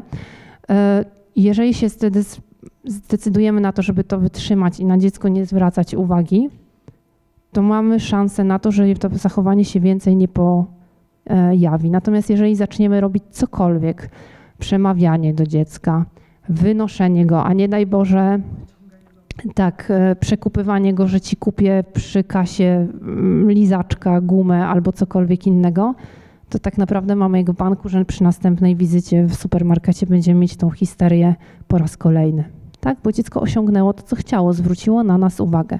Czyli pamiętajcie Państwo o tym, że macie niesamowity oręż w postaci Waszej uwagi, którą możecie w sposób pozytywny wykorzystywać, ale również do tego, żeby zachowania, które są dla Was nieodpowiednie, wygaszać. Czyli jeżeli cokolwiek się pojawia pierwszy raz, spróbujcie to zignorować. Pamiętajcie też, że macie intuicję i ufajcie tej swojej intuicji, ponieważ to wy jesteście ekspertami od swojego dziecka, wy znacie je najlepiej, tak jak ono was zna najlepiej i wie, gdzie nacisnąć, żeby e, osiągnąć efekt, który się chce, tak samo wy wbrew pozorom też to wiecie. I jeżeli czujecie, że możecie jeszcze przez jakiś czas próbować ignorować dane zachowanie i być może to przyniesie skutek, to tego spróbujcie, tak? Bo zazwyczaj to przynosi dobry efekt. No i teraz są sposoby na to, żeby te kary były skuteczne. Czyli znowu to samo co przy nagrodzie. Kara musi być bezpośrednio po przewinieniu i musi być nieunikniona. Czyli ja wiem, że jak się pobiję z bratem, to za każdym razem dostanę karę. Nie ma tak, że mama mi da karę, a tata mi nie da, albo na odwrót. E, I druga kwestia, właśnie dlaczego nie działają te uwagi w dzienniczku? Czemu to zlecenie na wykonanie kary przez rodzica? Bo są odroczone. I o ile jeszcze taki dzieciak w, w szkole, to on wie, za co dostał tą, tą uwagę i karę w domu, to przedszkolak w wieku 4 lat, który zostaje odbierany o godzinie 16 przez rodzica, to on nie pamięta, co on zrobił o 10 rano przy śniadanku, jak włożył Frankowi łyżkę do, do, do miski z kaszką, tak? bo dla niego to w ogóle już minęły lata świetlne i w ogóle on już jest w innej rzeczywistości i dlatego te kary są nieskuteczne. Po prostu, tak? Więc kara musi być zawsze bezpośrednio po i nieunikniona. Właśnie, kara w postaci mandatu działa na Państwa? Jak dostaniecie trzy dni z rzędu, to tak, ale ponieważ wiecie, że może dostaniecie raz w miesiącu albo raz na rok, ja średnio raz na rok dostaję mandat, no to w związku z tym was to nie powstrzymuje przed tym, żeby prze, nie przekraczać prędkości, prawda? Bardzo ważne jest to, żeby kara była wymierzona nie w złości przez rodzica, czyli nie mówimy, bo ty znowu coś tam i tak dalej, tylko po prostu tłumaczymy. Bardzo ważne jest również to, żeby dziecko wiedziało, za co jest ta kara. Tak? Czyli pytamy wprost, czy wiesz, dlaczego dostałeś karę i albo dziecko powie, że nie wie, albo się okaże, że ono uważa, że za coś zupełnie innego niż wy faktycznie tą karę daliście. Więc jeżeli wytłumaczycie dziecku, że kara jest za to i że następnym razem, jak będzie się zachowywał tak, jak wy tego oczekujecie, tej kary nie dostanie, macie większą szansę na sukces. Powinna być sprawiedliwa i proporcjonalna do przewinienia, nastąpić bezpośrednio po nim, tak? Czyli jeżeli dziecko się bije z bratem, to, to jaka może być kara adekwatna do przewinienia? No, że nie może się już bawić z bratem, czyli na przykład musi iść do swojego pokoju albo do, do innego pokoju, w którym nikogo nie ma, bo nikt nie chce przebywać w jednym pomieszczeniu z e, kimś, kto się bije. E, co jeżeli dzieci karzemy w postaci odsyłania do swojego pokoju? Czy ten pokój e, w dłuższej perspektywie nie będzie kojarzony właśnie z karą? To jest kwestia tego, w jaki sposób Państwo przedstawicie tak, dziecku.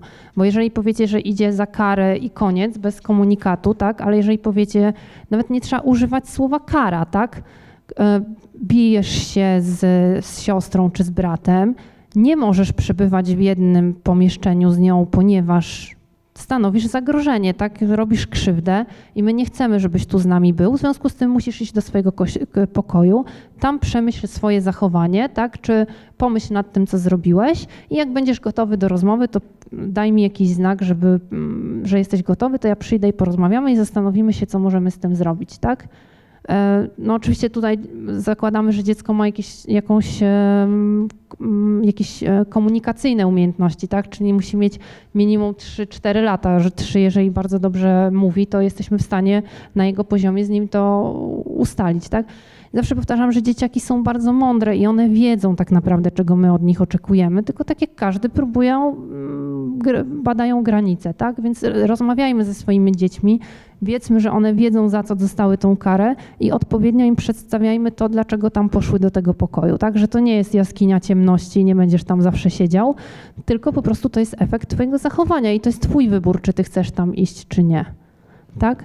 E, mało tego, bo z tym odsyłaniem na, na z tym odsyłaniem do pokoju, to jest też tak, że tak naprawdę po co my dziecko tam, oprócz tego, że ono stwarza zagrożenie, jeżeli dziecko bije, to znaczy, że ono jest pełne jakichś trudnych emocji, najprawdopodobniej jest zezłuszczone z jakiegoś powodu i tak naprawdę ma iść do tego pokoju po to, żeby się wyciszyć, tak? Więc idź się uspokój. E, tutaj uważam, że dużo ten pokój to jest tylko taki przykład, tak? Pewnie Państwo słyszeli o karnym jeżyku, którego superniania tak promowała bardzo mocno. I uważam, że to jest bardzo nieadekwatna nazwa, tak? Bo to dziecko nie jest odsyłane tam za karę, tylko właśnie po to, żeby się uspokoiło. I jeżeli my powiemy dziecku, idź się uspokój, to to jest inny komunikat niż jak idziesz tam za karę. Tak? Nie musimy używać słowa kara. Odpowiedziałam na pytanie? Dzięki.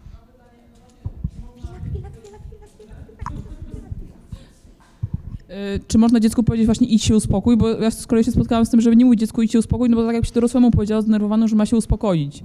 Mhm. Ciężko jakby z tych nerwów wyjść tam samemu takiemu szczególnie małemu dziecku, tak? Bo ja akurat tutaj mówię o, wysyłam tego przysłowiowego konta, bo tak naprawdę to nie chodzi o to, że ja go nie wysłałam do pokoju na przykład, dlatego że on w tym pokoju się zaczynał bawić. Mhm. I, I, generalnie miał w nosie to, że tam się dostał karę. Tak, no dlatego, może że być do tego konta, w którym nie było żadnych interesujących rzeczy, tak? Po prostu miejsce, gdzie nikt się z nim w tym momencie nie bawi, nikt, on nie ma jakichś tam super jakichś e, fajnych rzeczy do zrobienia, po prostu się nudzi. I on faktycznie się w tym kącie uspokajał, natomiast ja właśnie starałam się mu nie mówić, żeby się uspokoił, bo wiedziałam, że to jest właśnie trudno jemu wyjść z tych nerwów i, i moje powiedzenie idź się uspokój, no to jakby dla niego to tam nic nie Ma pani rację, że to może zadziałać odwrotnie, tak jak do nas by ktoś powiedział idź się uspokój, to jest powiedzmy skrót myślowy, tak? Chodzi o to, żeby można to samo powiedzieć innymi słowami, tak? Widzę, że jesteś zdenerwowany, że jesteś zezłoszczony, więc proponuję, żebyś poszedł do swojego pokoju i tam jest cichutko, to może ta złość z ciebie sobie zejdzie, czy tam wyjdzie, no już jakkolwiek e, komunikat dostosowany do wieku dziecka. I jak ta złość już sobie pójdzie, to wtedy sobie porozmawiamy, tak?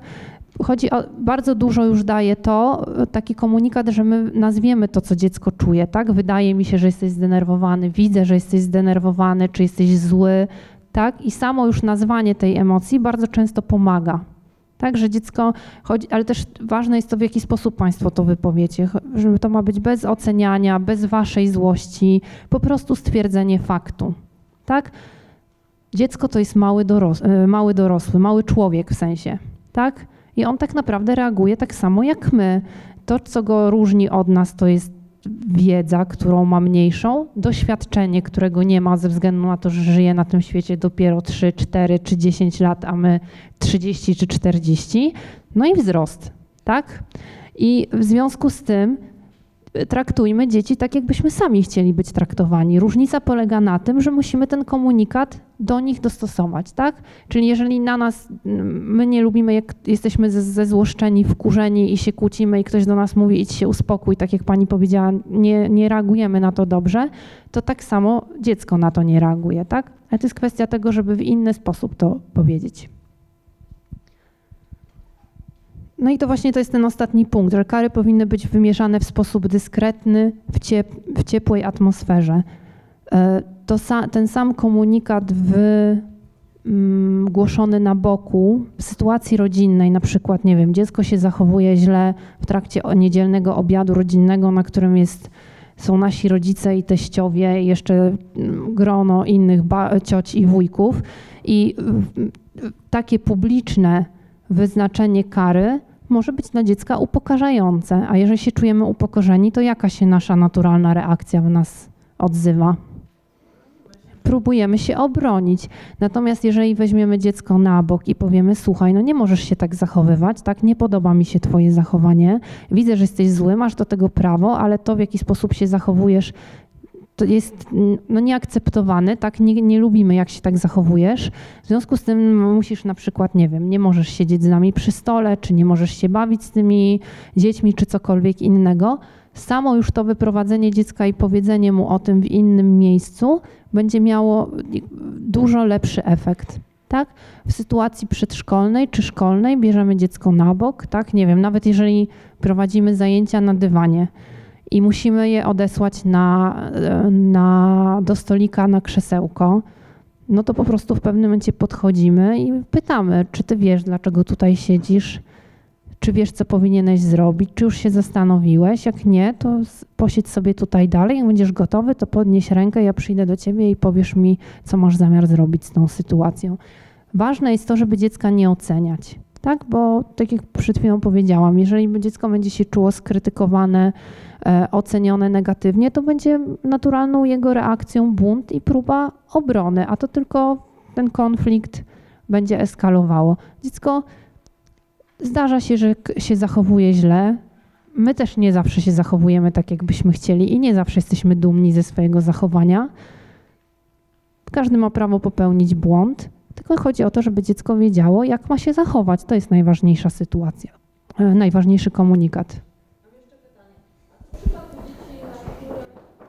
które y, kary kompletnie nie działają. Czyli na przykład biję się z siostrą czy z bratem i mówię, że no jest y, taka sytuacja, tak? I w ramach tego, żeby się wyciszyć, idziesz do swojego pokoju i dziecko stwierdza, że no ono w tym pokoju siedzieć nie będzie, wychodzi z pokoju i schodzi na przykład do rodziców na dół. W związku z czym rodzice proszą po raz kolejny, żeby wróciło do siebie, no i sytuacja powtarza się kilkakrotnie, tak? Czy no to taki jeden z przykładów, ale generalnie na przykład no jest dziecko na które jakby argument y, kary za to, że coś zostało źle zrobione, y, czy tam źle postąpiło, nie działa kompletnie. No I co idziemy, wtedy? Idziemy w nagrody, tak? Czyli mhm. odwracamy optykę.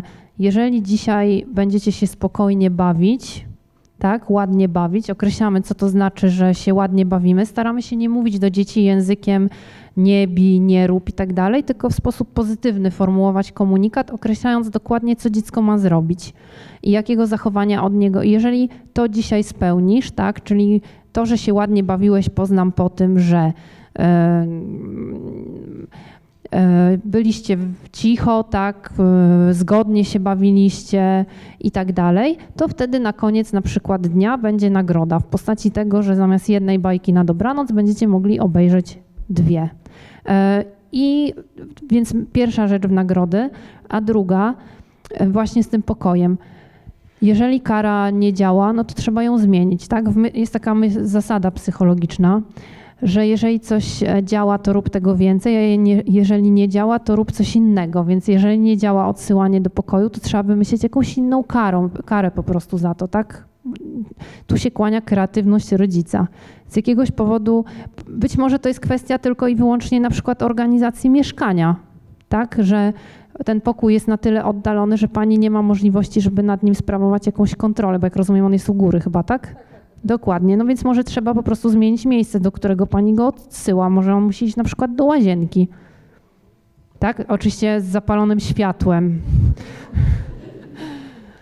Więc y, kwestia, żeby się zastanowić, tak? Gdzie tutaj, co możemy zmodyfikować, żeby jednak to przyniosło taki efekt. A jeżeli nie to, to coś innego. Być może na przykład trzeba, trzeba odwrócić jego uwagę i mm, nie wiem, no dać mu jakieś zadanie w tym momencie do wykonania, tak? Które będzie dla niego w miarę atrakcyjne i żeby to nie, nie coś na przykład musi pani pomóc, tak? Żeby go odciągnąć od tego, y, co jest źle.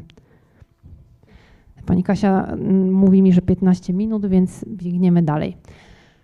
Kary fizyczne. Muszę o tym powiedzieć niestety, bo y, Państwo, mam nadzieję, macie świadomość tego, że w polskim prawie kary fizyczne są w tej chwili zabronione i są, można ponieść karę za to, że się karę cielesną dziecku wymierzyło. Niestety doświadczenia moje z ostatniego tygodnia pokazują, że nawet stróże prawa w postaci policjantów z tym poglądem się nie zgadzają. Ale to jest inna historia. E, kary cielesne, po pierwsze, Państwo możecie ponieść konsekwencje tego. Na pewno słyszeliście o tym, że były już sytuacje w Polsce, kiedy rodzic, który w swojej bezsilności, bo tak naprawdę klaps czy kara fizyczna jest zawsze objawem bezsilności rodzica, bo już nie wiem, co zrobić, to po prostu zaczynam bić. Kiedy to się stało w miejscu publicznym, po prostu e, czy zabrano dziecko, czy wręcz wezwano policję i musicie się Państwo z tym liczyć, że w polskim prawie kary fizyczne są e, zabronione, w związku z tym można ponieść konsekwencje prawne za ich stosowanie. Po drugie, dlaczego kary fizyczne są nieskuteczne? Raz, że obnażają naszą słabość, bo ja już nie wiem, co zrobić i dziecko jest tego świadome. Po drugie, jeżeli my uczymy dziecko, że agresja jest czymś złym, że nie wolno bić, to jaki komunikat dajemy, jeżeli sami bijemy? Wręcz dokładnie odwrotny, tak? Bo dziecko, to Państwo wiecie, że do pewnego wieku dzieci się, na, znaczy właściwie zawsze, najlepiej działa modelowanie zachowań, czyli świecenie przykładem potoczne. Jeżeli ja mówię, znaczy jeżeli uważam, że bicie jest złe, to nie mogę bić swojego dziecka, tak? Bo mam komunikat y, werbalny z niewerbalnym jest w ogóle sprzeczny, tak? Nie jedno mówię, drugie robię. Więc mm, kolejna rzecz. Jeżeli dziecko nauczy się mm, od nas bicia, to będzie to stosowało w myśl zasady silniejszy ma zawsze rację na rodzeństwie czy na rówieśnikach. Po prostu. No i trzecia rzecz, że kary fizyczne to strach. A strach, tak jak powiedzieliśmy przed chwilą, nie buduje żadnych trwałych zachowań, tylko tłumi to, co jest złe w obecności tej osoby, która tą karę wyznacza. A dodatkowo tak jak wszystkie kary nieadekwatne wymusz, powodują bunt i opór ze strony dziecka, tym bardziej kara fizyczna, która jeszcze dziecko ma bardzo duże poczucie krzywdy, tak? Ono właściwie nie rozumie, dlaczego jest taka, taka reakcja rodzica, bo nic nie usprawiedliwia bicia i słyszy to na każdym kroku, tak? Słyszy to w przedszkolu, słyszy to w szkole, czy, czy właśnie nawet od nas rodziców, po czym rodzic sam sobie zaprzecza i posuwa się do tego, że jakąś karę fizyczną wymierzył. Czy jest to klaps, czy, no nie, czy, czy pociągnięcie za ucho, czy nawet y, bicie po ręce, tak? Czyli nawet jeżeli dwuletnie dziecko czy półtora roczne nas ciągnie za włosy, to nie klepiemy go po rączce, bo to też jest bicie, tylko odstawiamy je z naszych rąk, czy zmieniamy miejsce, gdzie siedzimy, tak żeby ono nie mogło nas dotknąć. Poza tym jak rodzic daje tego przysłowiowego klapsa, to zazwyczaj jest tak sam zdenerwowany, że nie ma czasu na tłumaczenie. Nawet już nie za co jest ten klaps, bo to jeszcze wykrzyczy w tej złości, ale czego od dziecka oczekuje. Tak? A żeby dziecko mogło poprawić swoje zachowanie, to musi wiedzieć, czego my od niego oczekujemy.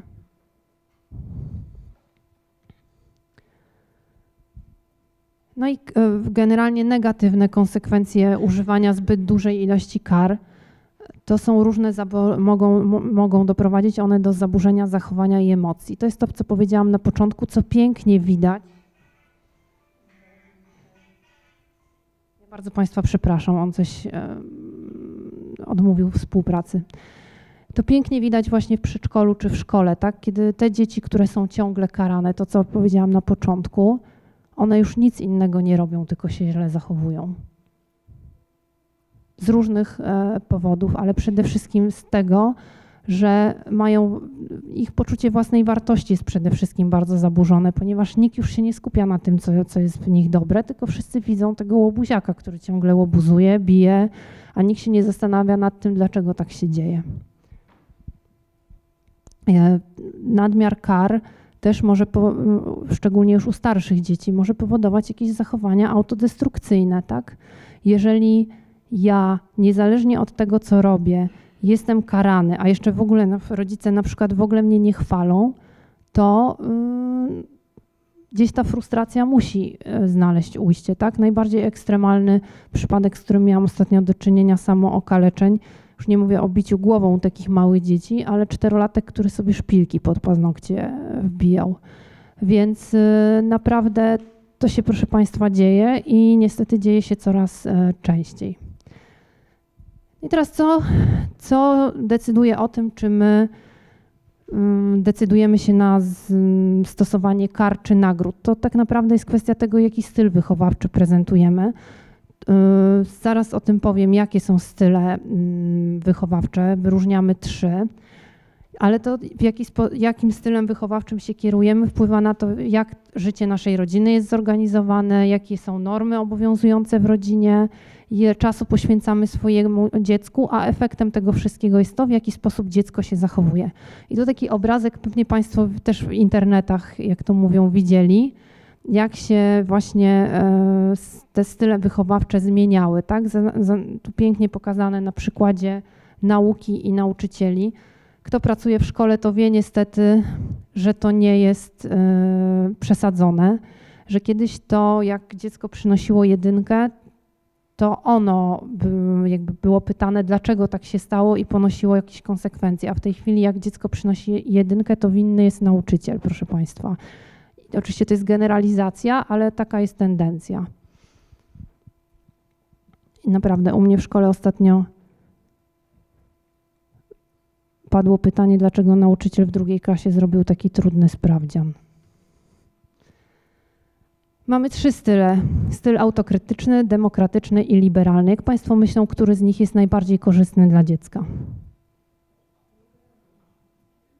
Nie, nie liberalny. Demokratyczny. Tak, demokratyczny, dlatego że on zakłada to, o czym mówimy od początku, szacunek do dziecka, czyli szanuje jego potrzeby i jego uczucia, jego zdanie, jego opinie. Natomiast to nie jest tak, dziecko jest partnerem, ale nie jest partnerem równorzędnym, ponieważ dziecko ze względu na to, co powiedzieliśmy wcześniej, że dziecko to jest mały człowiek, ale jednak nie ma wiedzy i doświadczenia, które my mamy jako dorośli i w związku z tym nie może decydować. Rodzic jest osta ostatnią instancją podejmowania decyzji, natomiast bardzo fajnie jest, kiedy bierze w podejmowaniu tych decyzji pod uwagę e, zdanie dziecka. Tak? Czyli to są te wszystkie rzeczy związane z dawaniem dziecku wyboru, które już zaczynamy od maleńkości, tak? Czyli pytamy dziecko, czy chcesz na śniadanie kanapkę z szynką czy z serem, a jak ono mówi, że na przykład jednak chce tylko z pomidorem, to jeżeli to się w naszych, że tak powiem, zwyczajach żywieniowych e, i poglądach na zdrowe żywienie dzieci mieści, to mu zezwalamy na to, żeby zjadł kanapkę z pomidorem. Także styl demokratyczny, to jak Państwo myślą, co będzie stosował? Kary, nagrody czy konsekwencje? Konsekwencje, tak, bo on zakłada przede wszystkim podmiotowość dziecka i to, że my z tym dzieckiem rozmawiamy. E, a autokratyczny? Kary. I to mało tego, to będą kary tylko i wyłącznie wymyślone przez rodzica, tak? Czyli będzie, bo ja tak powiedziałem, bo ja tak chcę, jak będziesz dorosły, to zrozumiesz i tak dalej, i tak dalej. A liberalny, bo tutaj się gdzieś pojawiło, że liberalny może być najbardziej. Yy, yy, dobry dla dziecka? Brak granic przede wszystkim i właściwie no, może być nadmiar e, nagród, ale tak naprawdę to jest taki styl, który kiedyś pewnie było, był określany mm, bezstresowym wychowaniem, czyli tak naprawdę dziecko decyduje o tym, co się dzieje, tak? To, I to niestety też jest zmora naszych czasów dzisiejszych, że rodzice przede wszystkim uważają, i to przed tym przestrzegam Państwa bardzo.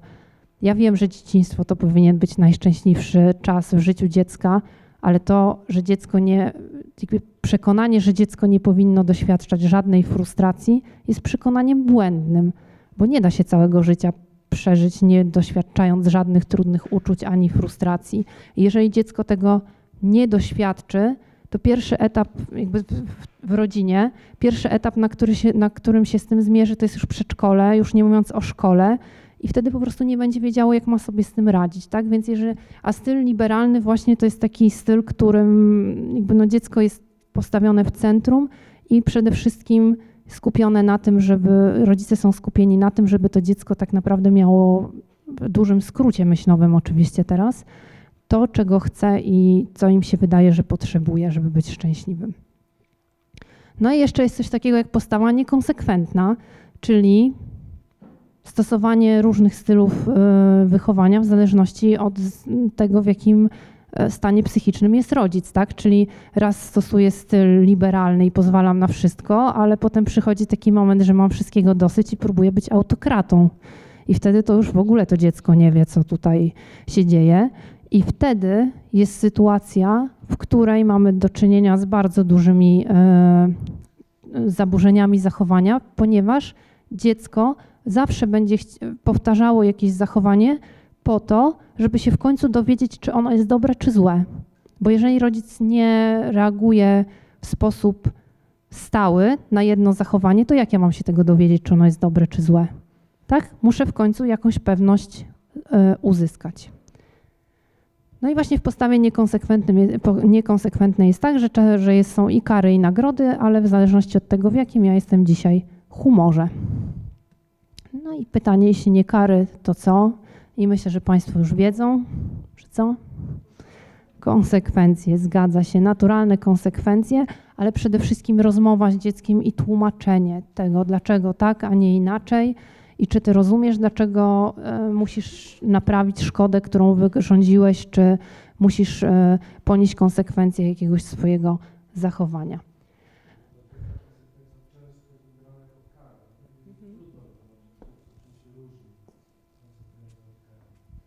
To prawda, ale tutaj myślę, że dużym, e, dużym e, mm, polem do popisu jest to, jak Państwo będziecie z tym dzieckiem rozmawiali. To znaczy ton Waszego głosu, właśnie takie nieocenianie, bo jeżeli wychodzicie z punktu takiego, że dziecko ma prawo popełnić błąd, tak? Mm, tak jak każdy człowiek, dodatkowo on ma jeszcze więcej prawa do tego, żeby popełniać błędy, bo nie ma tej wiedzy i doświadczenia, której i musi się nauczyć, a najlepiej się uczymy przez doświadczenie, to wszyscy Państwo wiecie. To jeżeli nie będziemy go oceniać, jeżeli będziemy taką postawą wspierająco rozumiejącą, tak, że ja rozumiem, że się zdenerwowałeś, albo rozumiem, że to jest dla ciebie bardzo ważne i nie wiem, że chciałaś obejrzeć tą bajkę, tak, e, albo że to jest trudne wyłączyć ten telewizor w pewnym momencie, kiedy nikt nam o tym nie przypomina, ale no nie może tak być, ponieważ dostajesz, nie wiem, jedynki w szkole, czy nie odrabiasz tych lekcji, czy cokolwiek innego. Ja muszę po prostu wyłączyć ten telewizor, tak, i nie możesz go oglądać, to proszę mi wierzyć, że no dziecko roz, zaczyna rozumieć, tak? To jest kwestia tylko tego, w jaki sposób my z nim rozmawiamy. To jest tak jak e, w szkole. Dzisiaj rozmawiamy o tych dzieciach niby młodszych, ale w przypadku dzieci, które są w tych starszych klasach, ja staram się jak mogę, mam też nie, nie, w warunkach szkolnych nie zawsze mam na taką możliwość, żeby wyjaśnić, co się stało. Tak? Oni doskonale już wiedzą, że jak się pobiją, czy się pokłócą, czy się przezywają, jakiekolwiek zachowania takie agresywne czy przemocowe się pojawią, to karę dostają obydwa dwie osoby. I karę staramy się wymierzyć, żeby oni, ja mówię na przykład, że ja mam taką propozycję, żeby zrobili to czy tamto, ale jeżeli oni mają jakąś inną propozycję, którą ja uznam jako osoba dorosła i decyzyjna, że jest adekwatna i że będzie dla nich faktycznie karą, a nie udawaniem kary, bo będą mieli z tego przyjemność, to, yy, to czekam na ich propozycje. Naprawdę bardzo często jest tak, że właściwie w większości przypadków, że dochodzimy do konsensusu i oni potem właściwie przychodzą i mówią, że okej, okay, pani miała rację, faktycznie, nie powinniśmy się tak zachować. Potem rozmawiamy jeszcze o tym, dlaczego, dlaczego na przykład się ciągle kłócicie, tak? Co, co powoduje, że ty, bo ciągle widzę, że wy się tylko bijecie, więc co musi zmienić, nie wiem, e, Andrzej w swoim zachowaniu, żebyś ty, e, Piotrek, go nie bił i na odwrót, tak? Usiądźmy, porozmawiajmy. Dzieciaki bardzo dobrze wiedzą, co trzeba zmienić, nawet nie te starsze, ale te w pierwszej klasie. I jak się obydwaj postarają, to w pewnym momencie te zachowania znikną, tak? Ale to jest kwestia tego, żeby im pomóc, bo oni albo nie rozumieją zasad, albo nie wiedzą, jakie są te zasady, albo ktoś im nie, prze, nie, nie przypomina o tym, albo właśnie jest coś takiego, co powoduje, że te zachowania się ciągle powtarzają, bo coś systemowo trzeba zmienić, tak? Więc przede wszystkim, powtarzam jeszcze raz, po rozmowach z dziećmi. Oczywista, y, co w sytuacji, kiedy konsekwencja wydaje się być oczywista i rozumiana i dla dziecka, i dla rodzica, ale dla rodzica jest nieakceptowalna. Bo na przykład dziecko mówi, ja się nie będę uczył, ja będę kopał rowy i ja mam tą świadomość. A ma talenty i talenty marnotrawi. To co w takiej sytuacji zrobić? Jeśli konsekwencja sama w sobie, to za mało. Bo świadomość u dziecka jest, u rodzica też jest i jesteśmy w maraźmie.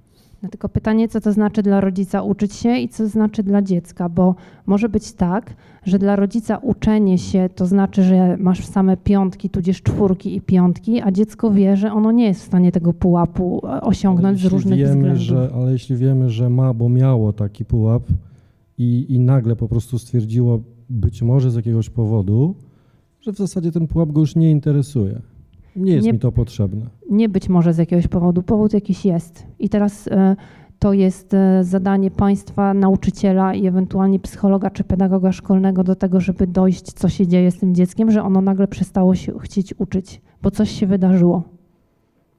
I tutaj e, możecie mu odpuścić na jakiś czas, ale musicie dojść, jaka jest przyczyna tego, co się dzieje, a jakaś jest, bo to się nie dzieje z dnia na dzień i nie dzieje się bez przyczyny. Jeżeli nie ma jakichś trudności takich e, związanych z edukacją, tak, specyficznych trudności w uczeniu się, nie wiem, dysleksja, ADHD, cokolwiek, co powoduje, że w tym systemie szkolnym źle e, funkcjonuje, to coś się wydarzyło. I jak już, to już naprawdę tak dygresyjnie, bardzo często jest tak, nie wiem w jakim wieku jest to dziecko, ale y, coraz częściej dzieci mają depresję, proszę Państwa.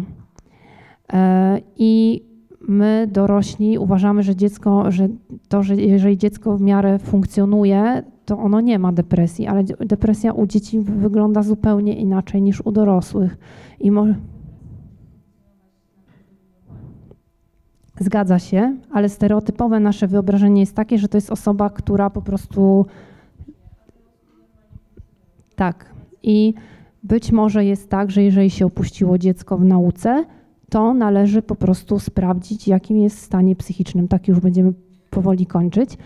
E, ale też, żeby Państwa pocieszyć, depresja u dzieci, nie tylko u dzieci, ale również u dorosłych, nie zawsze jest związana z taką sytuacją, że coś się wydarzyło, czy w ogóle ze stanem psychicznym. Ona może mieć również przyczyny medyczne. I od czego trzeba zacząć? To od zbadania hormonów, poziomu hormonów tarczycy, ponieważ jeżeli ten poziom jest nieodpowiedni, to też może wpływać na stany depresyjne tak? Więc być może e, na pewno coś się dzieje. I teraz, jeżeli nie ma możliwości, żeby go zmotywować e, inaczej, musicie dojść, co się stało. Ostatnie trzy slajdy mi zostały o tych konsekwencjach. E, właśnie te metody behawioralne, one się tutaj tak pięknie nazywają autokorekcja, hiperkorekcja i praktyka pozytywna, ale to jest wszystko to, co wy tak naprawdę Państwo wiecie. Czyli jest e, autokorekcja, to jest po prostu konsekwencja, tak? Rozlałem mleko, to muszę posprzątać. Hiperkorekcja, czyli ciągle dziecko na, nam to mleko rozlewa i wiemy już w pewnym momencie, że ono to robi złośliwie. no to musi zrobić coś więcej niż tylko posprzątać, tak? Musi w jakiś sposób tą szkodę naprawić, czyli na przykład, nie wiem, no, musi za to rozlane mleko oddać z kieszonkowego albo jakoś, nie wiem, wykonać jakieś prace, które będą równoznaczne w naszej ocenie z tym, ile to mleko kosztowało i tak dalej, i tak dalej. Czyli e, to jest coś więcej niż tylko zwykła konsekwencja. To jest też zadośćuczynienie, tak? Tej te, poniesienie, wykonanie jakiegoś wysiłku większego niż tylko naprawienie tej szkody. No i praktyka pozytywna. To jest też coś, co Państwo na pewno e, wiecie i stosujecie. No na przykład mój tata tak uczył mnie nie trzaskać drzwiami. Jaka była praktyka pozytywna, jak się trzaskało drzwiami? Trzeba było tak długo zamykać te drzwi, aż się robiło to cicho. I to jest właśnie praktyka pozytywna, czyli umiejęt, nabywanie nowej umiejętności. Czyli zakładamy, że dziecko nie robi czegoś nie dlatego, że jest złośliwe, tylko dlatego, że czegoś po prostu nie potrafi. Tak? Następna praktyka pozytywna. Jak robi błędy ortograficzne, to pisze i to nie jest dysleksja, no to pisze 100 razy ołówek, żeby wiedzieć, że się pisze przez U zamknięte. Tak? To takie humorystyczne oczywiście są przykłady, ale to o to chodzi.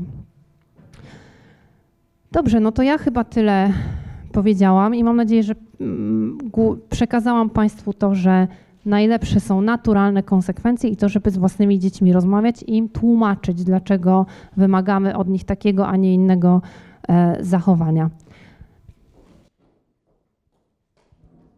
E, ja mam pytanie. Ja mam córkę, która nie chce się rano ubierać. Ale to nie chce się ubierać, to ja bym jakby podkreślił i wytłuścił. Mhm. Nie chce chodzić, znaczy chce chodzić do przedszkola, nie chce się ubierać. E, jaka jest naturalna konsekwencja tego? Mam tą naturalną konsekwencję. Mało tego, e, kilka osób już ją zastosowało, ale ona wymaga, że tak powiem, samozaparcia Słucham. ze strony rodzica. Ile ma dziecko lat? Cztery.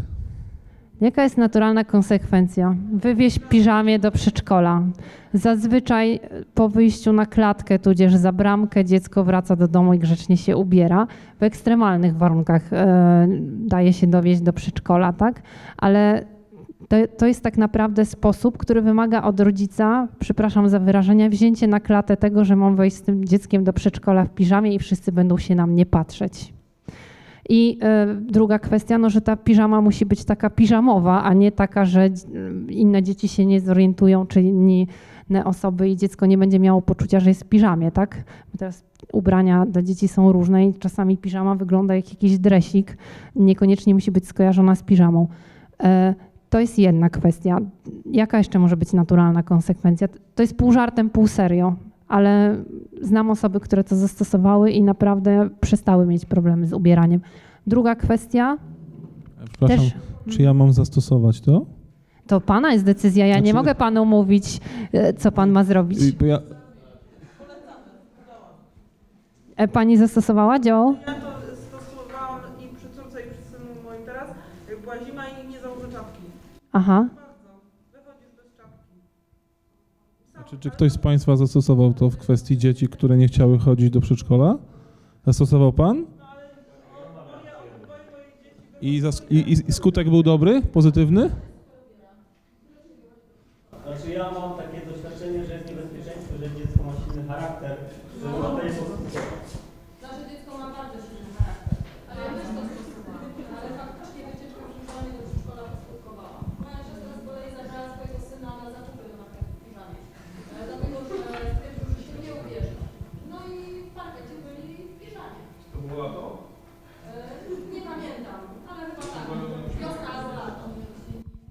Nie chce się ubrać w kurteczkę.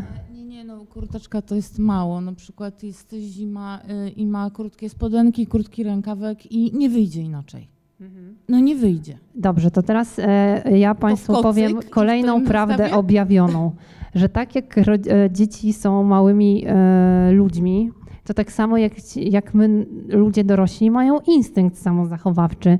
I nikt nie, jeżeli on wyjdzie, nawet wystawi stopę na balkon, albo jeżeli macie balkon, wy, niech wyjdzie i sprawdzi, czy on chce w tych krótkich spodenkach wyjść. Przecież jemu jest tak samo zimno jak państwu. On, on nie jest ufolutkiem, który ma inną wytrzymałość na niskie temperatury, tak? Tylko ja roz, to są metody, które właśnie jakby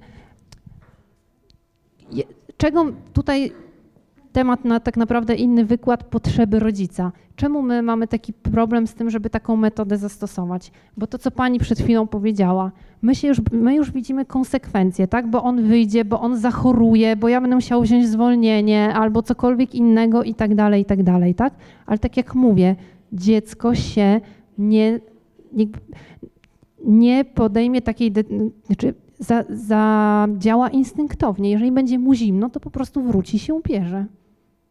Nie wyjdzie przy minus 10 w krótkich spodenkach i w sandałach, bo nawet jeżeli wyjdzie na sekundę, to za chwilę wróci, bo mu jest po prostu zimno. Czy jest tylko jedna kwestia. Ja się zgadzam z tym, co pani powiedziała, że rodzic e, patrzy dalej, tak, że widzi to dziecko chore, e, zwolnienie i tak dalej. E, ja troszeczkę się obawiam tego, że jeżeli to dziecko zachoruje i przez dwa tygodnie nie pójdzie do przedszkola, to jak z tego, co pani powiedziała, dziecko szybko się uczy, to jakby naturalną konsekwencją tego będzie to, że ono sobie pomyśli o tym, tak? Że Stwierdzi, że po prostu konsekwencją tego, że poszło w piżamie było to, że dwa tygodnie było w domu. Okej, tylko pan zakłada, że ono przy tych minus 10 w tej piżamie pójdzie. Tak, była samochodem, nie było, że. A można ten samochód trochę dalej zaparkować? E, n-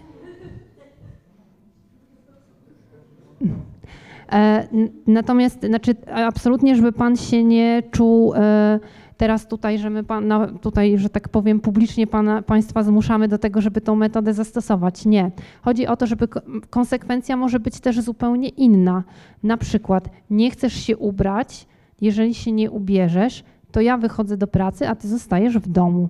I teraz znowu, to jest, e, znowu ktoś powie, Boże, co ta kobieta tutaj opowiada, tak?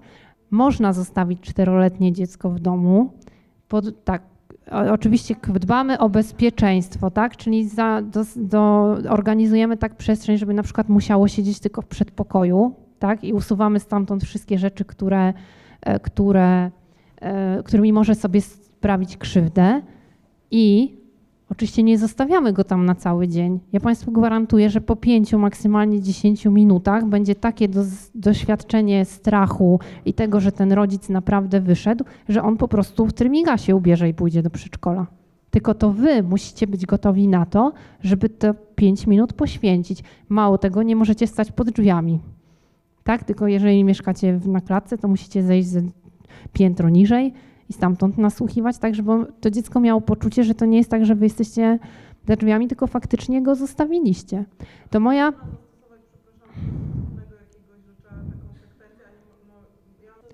Tak, to są te spod, e, sposoby na wzmocnienia pozytywne. Pan pytał o konsekwencje, tak? Więc jakby stąd to, ta moja odpowiedź. Natomiast faktycznie e, można też zastosować to, żeby ją zmotywować pozytywnie, tak? Nie wiem, wyścigi, kto się szybciej, u, tak, kto się szybciej ubierze, e, czy oczywiście dajemy wygrać, nie, wiadomo, albo nie wiem, ciekawe, czy ty się szybciej ubierzesz, czy tata na przykład zje kanapkę, tak? No i oczywiście tata tam mieli tą kanapkę w ustach, żeby nie wygrać, a dziecko po prostu ma super sukces, tak? Tylko e, może być tak, że to przy, będzie działało przez jakiś czas, a potem nie będzie działało, tak? Więc też pytanie, można się też zastanowić, dlaczego ona się nie chce rano ubierać. Tak? Takie króciutkie dosłownie. E, Córka dwa lata e, lubi sobie porzucać różnymi przedmiotami i jak się tak już dobrze nakręci, zacznie płakać i rzuca tymi przedmiotami, to chce, żeby te przedmioty jej podawać. No Pewnie, i bo to teraz jest oczywiście... Świetna zabawa. Tak, tak. My oczywiście tego już nie robimy, bo na początku tacy głupi byliśmy, troszkę podawaliśmy, teraz już tego nie robimy, ale ona nadal to robi i teraz nie bardzo wiemy, co tu zrobić. Ona ma dwa lata, więc chyba jakaś kara to też, y, czy konsekwencja, no to do takiego małego dziecka, co zrobić? Przede wszystkim wziąć, podnieść ten przedmiot, powiedzieć, nie wiem, jeżeli to jest. No, Raz zakładam. wyrzuciłam coś do śmieci, na jej oczach to było 15 minut płaczu i nie wiem, czy to jest dobra metoda. Mm, Zależy, co pani wyrzuciła. Czy Książkę faktycznie... grającą.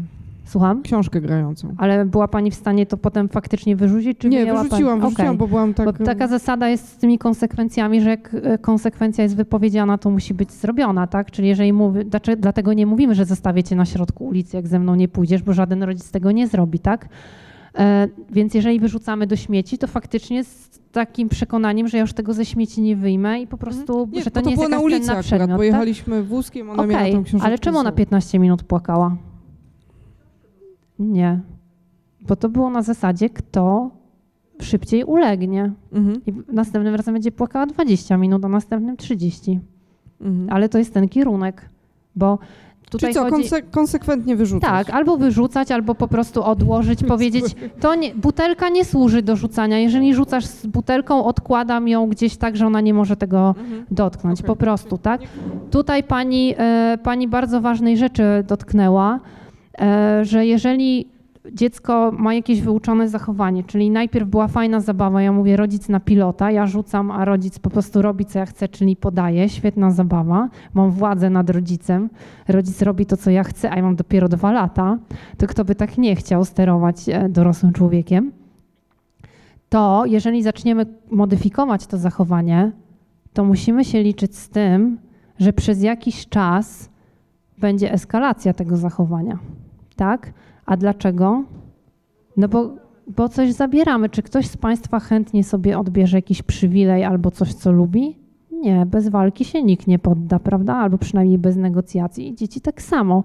W związku z tym, jeżeli się decydujemy na taką zasadę, że wyrzucam, zabieram i tak dalej, to muszę ją konsekwentnie stosować, niezależnie od tego, że ona być może będzie godzinę wyła i będzie miała pani poczucie, że sąsiedzi za chwilę wezmą policję, że pani bije dziecko.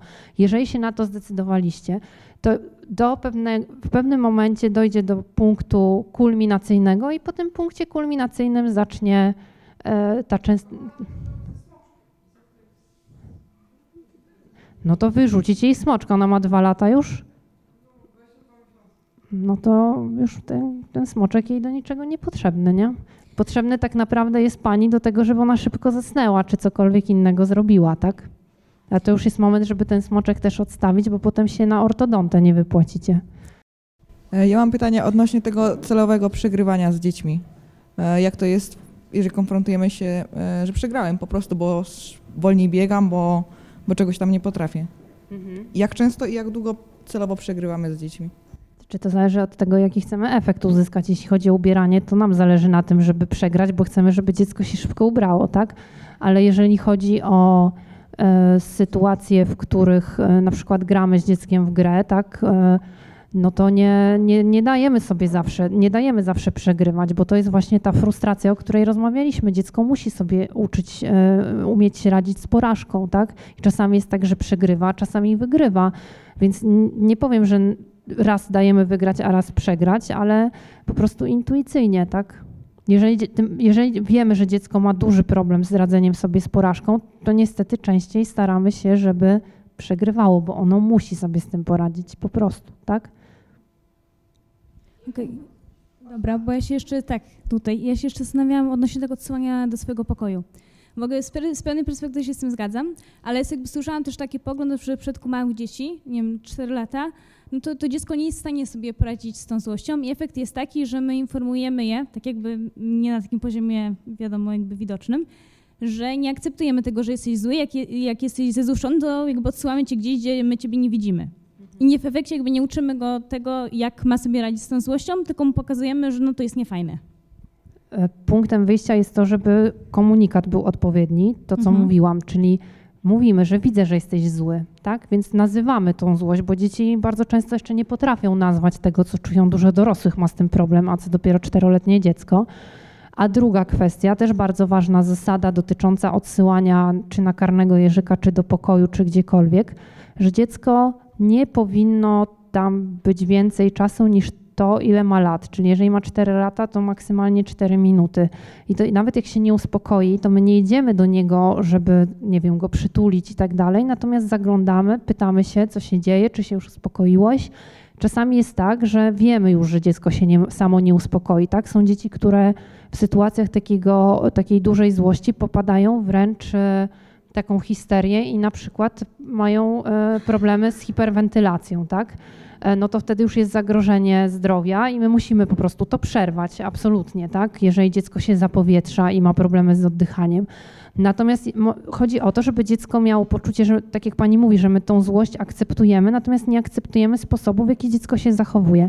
A akceptację i wsparcie możemy w ten sposób okazać, że na przykład siedzimy, nie wiem, czy za drzwiami tego pokoju, czy w tym samym pokoju, ale nie, nie przytulamy, tak, nie, nie siedzimy obok, tylko mówimy, jestem tutaj, tak, jestem gotowa do tego, żeby z tobą porozmawiać, czy pomóc ci, żebyś się uspokoił, tak, znaczy, żebyś się pozbył tej złości, ale warunkiem jest to, że przestaniesz krzyczeć, albo że nie będzie, że przestaniesz mnie bić, nie mówimy nie będziesz krzyczał, nie będziesz bił. Jak to wszystko się stanie, to wtedy mogę ci pomóc. Jak na mnie krzyczysz, to nie mam ochoty z tobą rozmawiać, bo to jest prawda, tak? Jak dorosły na państwa krzyczy, to też nie chcecie z nim rozmawiać. Jak was dziecko bije, to nie macie ochoty z nim rozmawiać. I tu jest kwestia oddzielenia zachowania od e, emocji. Emocja jest akceptowana, natomiast zachowanie, które się z nią wiąże, nie. Okej, dziękuję. Odnośnie tematu, który przed chwilą poruszyliśmy i powiedziała Pani, że e, jeżeli jest taka sytuacja, że e, no, dziecko ma te złe emocje, nie przytulamy, ale jeżeli jest e, dziecko, które samo mówi, że w, w ataku e, takiego no, szału, nie wiem jak to nazwać, tak, tych złych emocji, e, samo wyraża, że potrzebuje silnego przytulenia. I co wtedy? E, To można powiedzieć, że jeżeli ci to pomoże, to się Mhm. przytul, ale to nie zmienia Mhm. tego, że ja też jestem że- zła mhm, na ciebie okej. za to, że się tak zachowałeś, tak? Więc d- tego, że tak się zachow- jestem na ciebie zły, że tak się zachowałeś, możesz się przytulić, jeżeli ma ci to pomóc, ale nie, generalnie nie mam do końca na to ochoty, tak? Bo jestem na ciebie zła. Ale jeżeli ma ci to pomóc i możemy po tym porozmawiać, to możemy to zrobić. Dziękuję bardzo.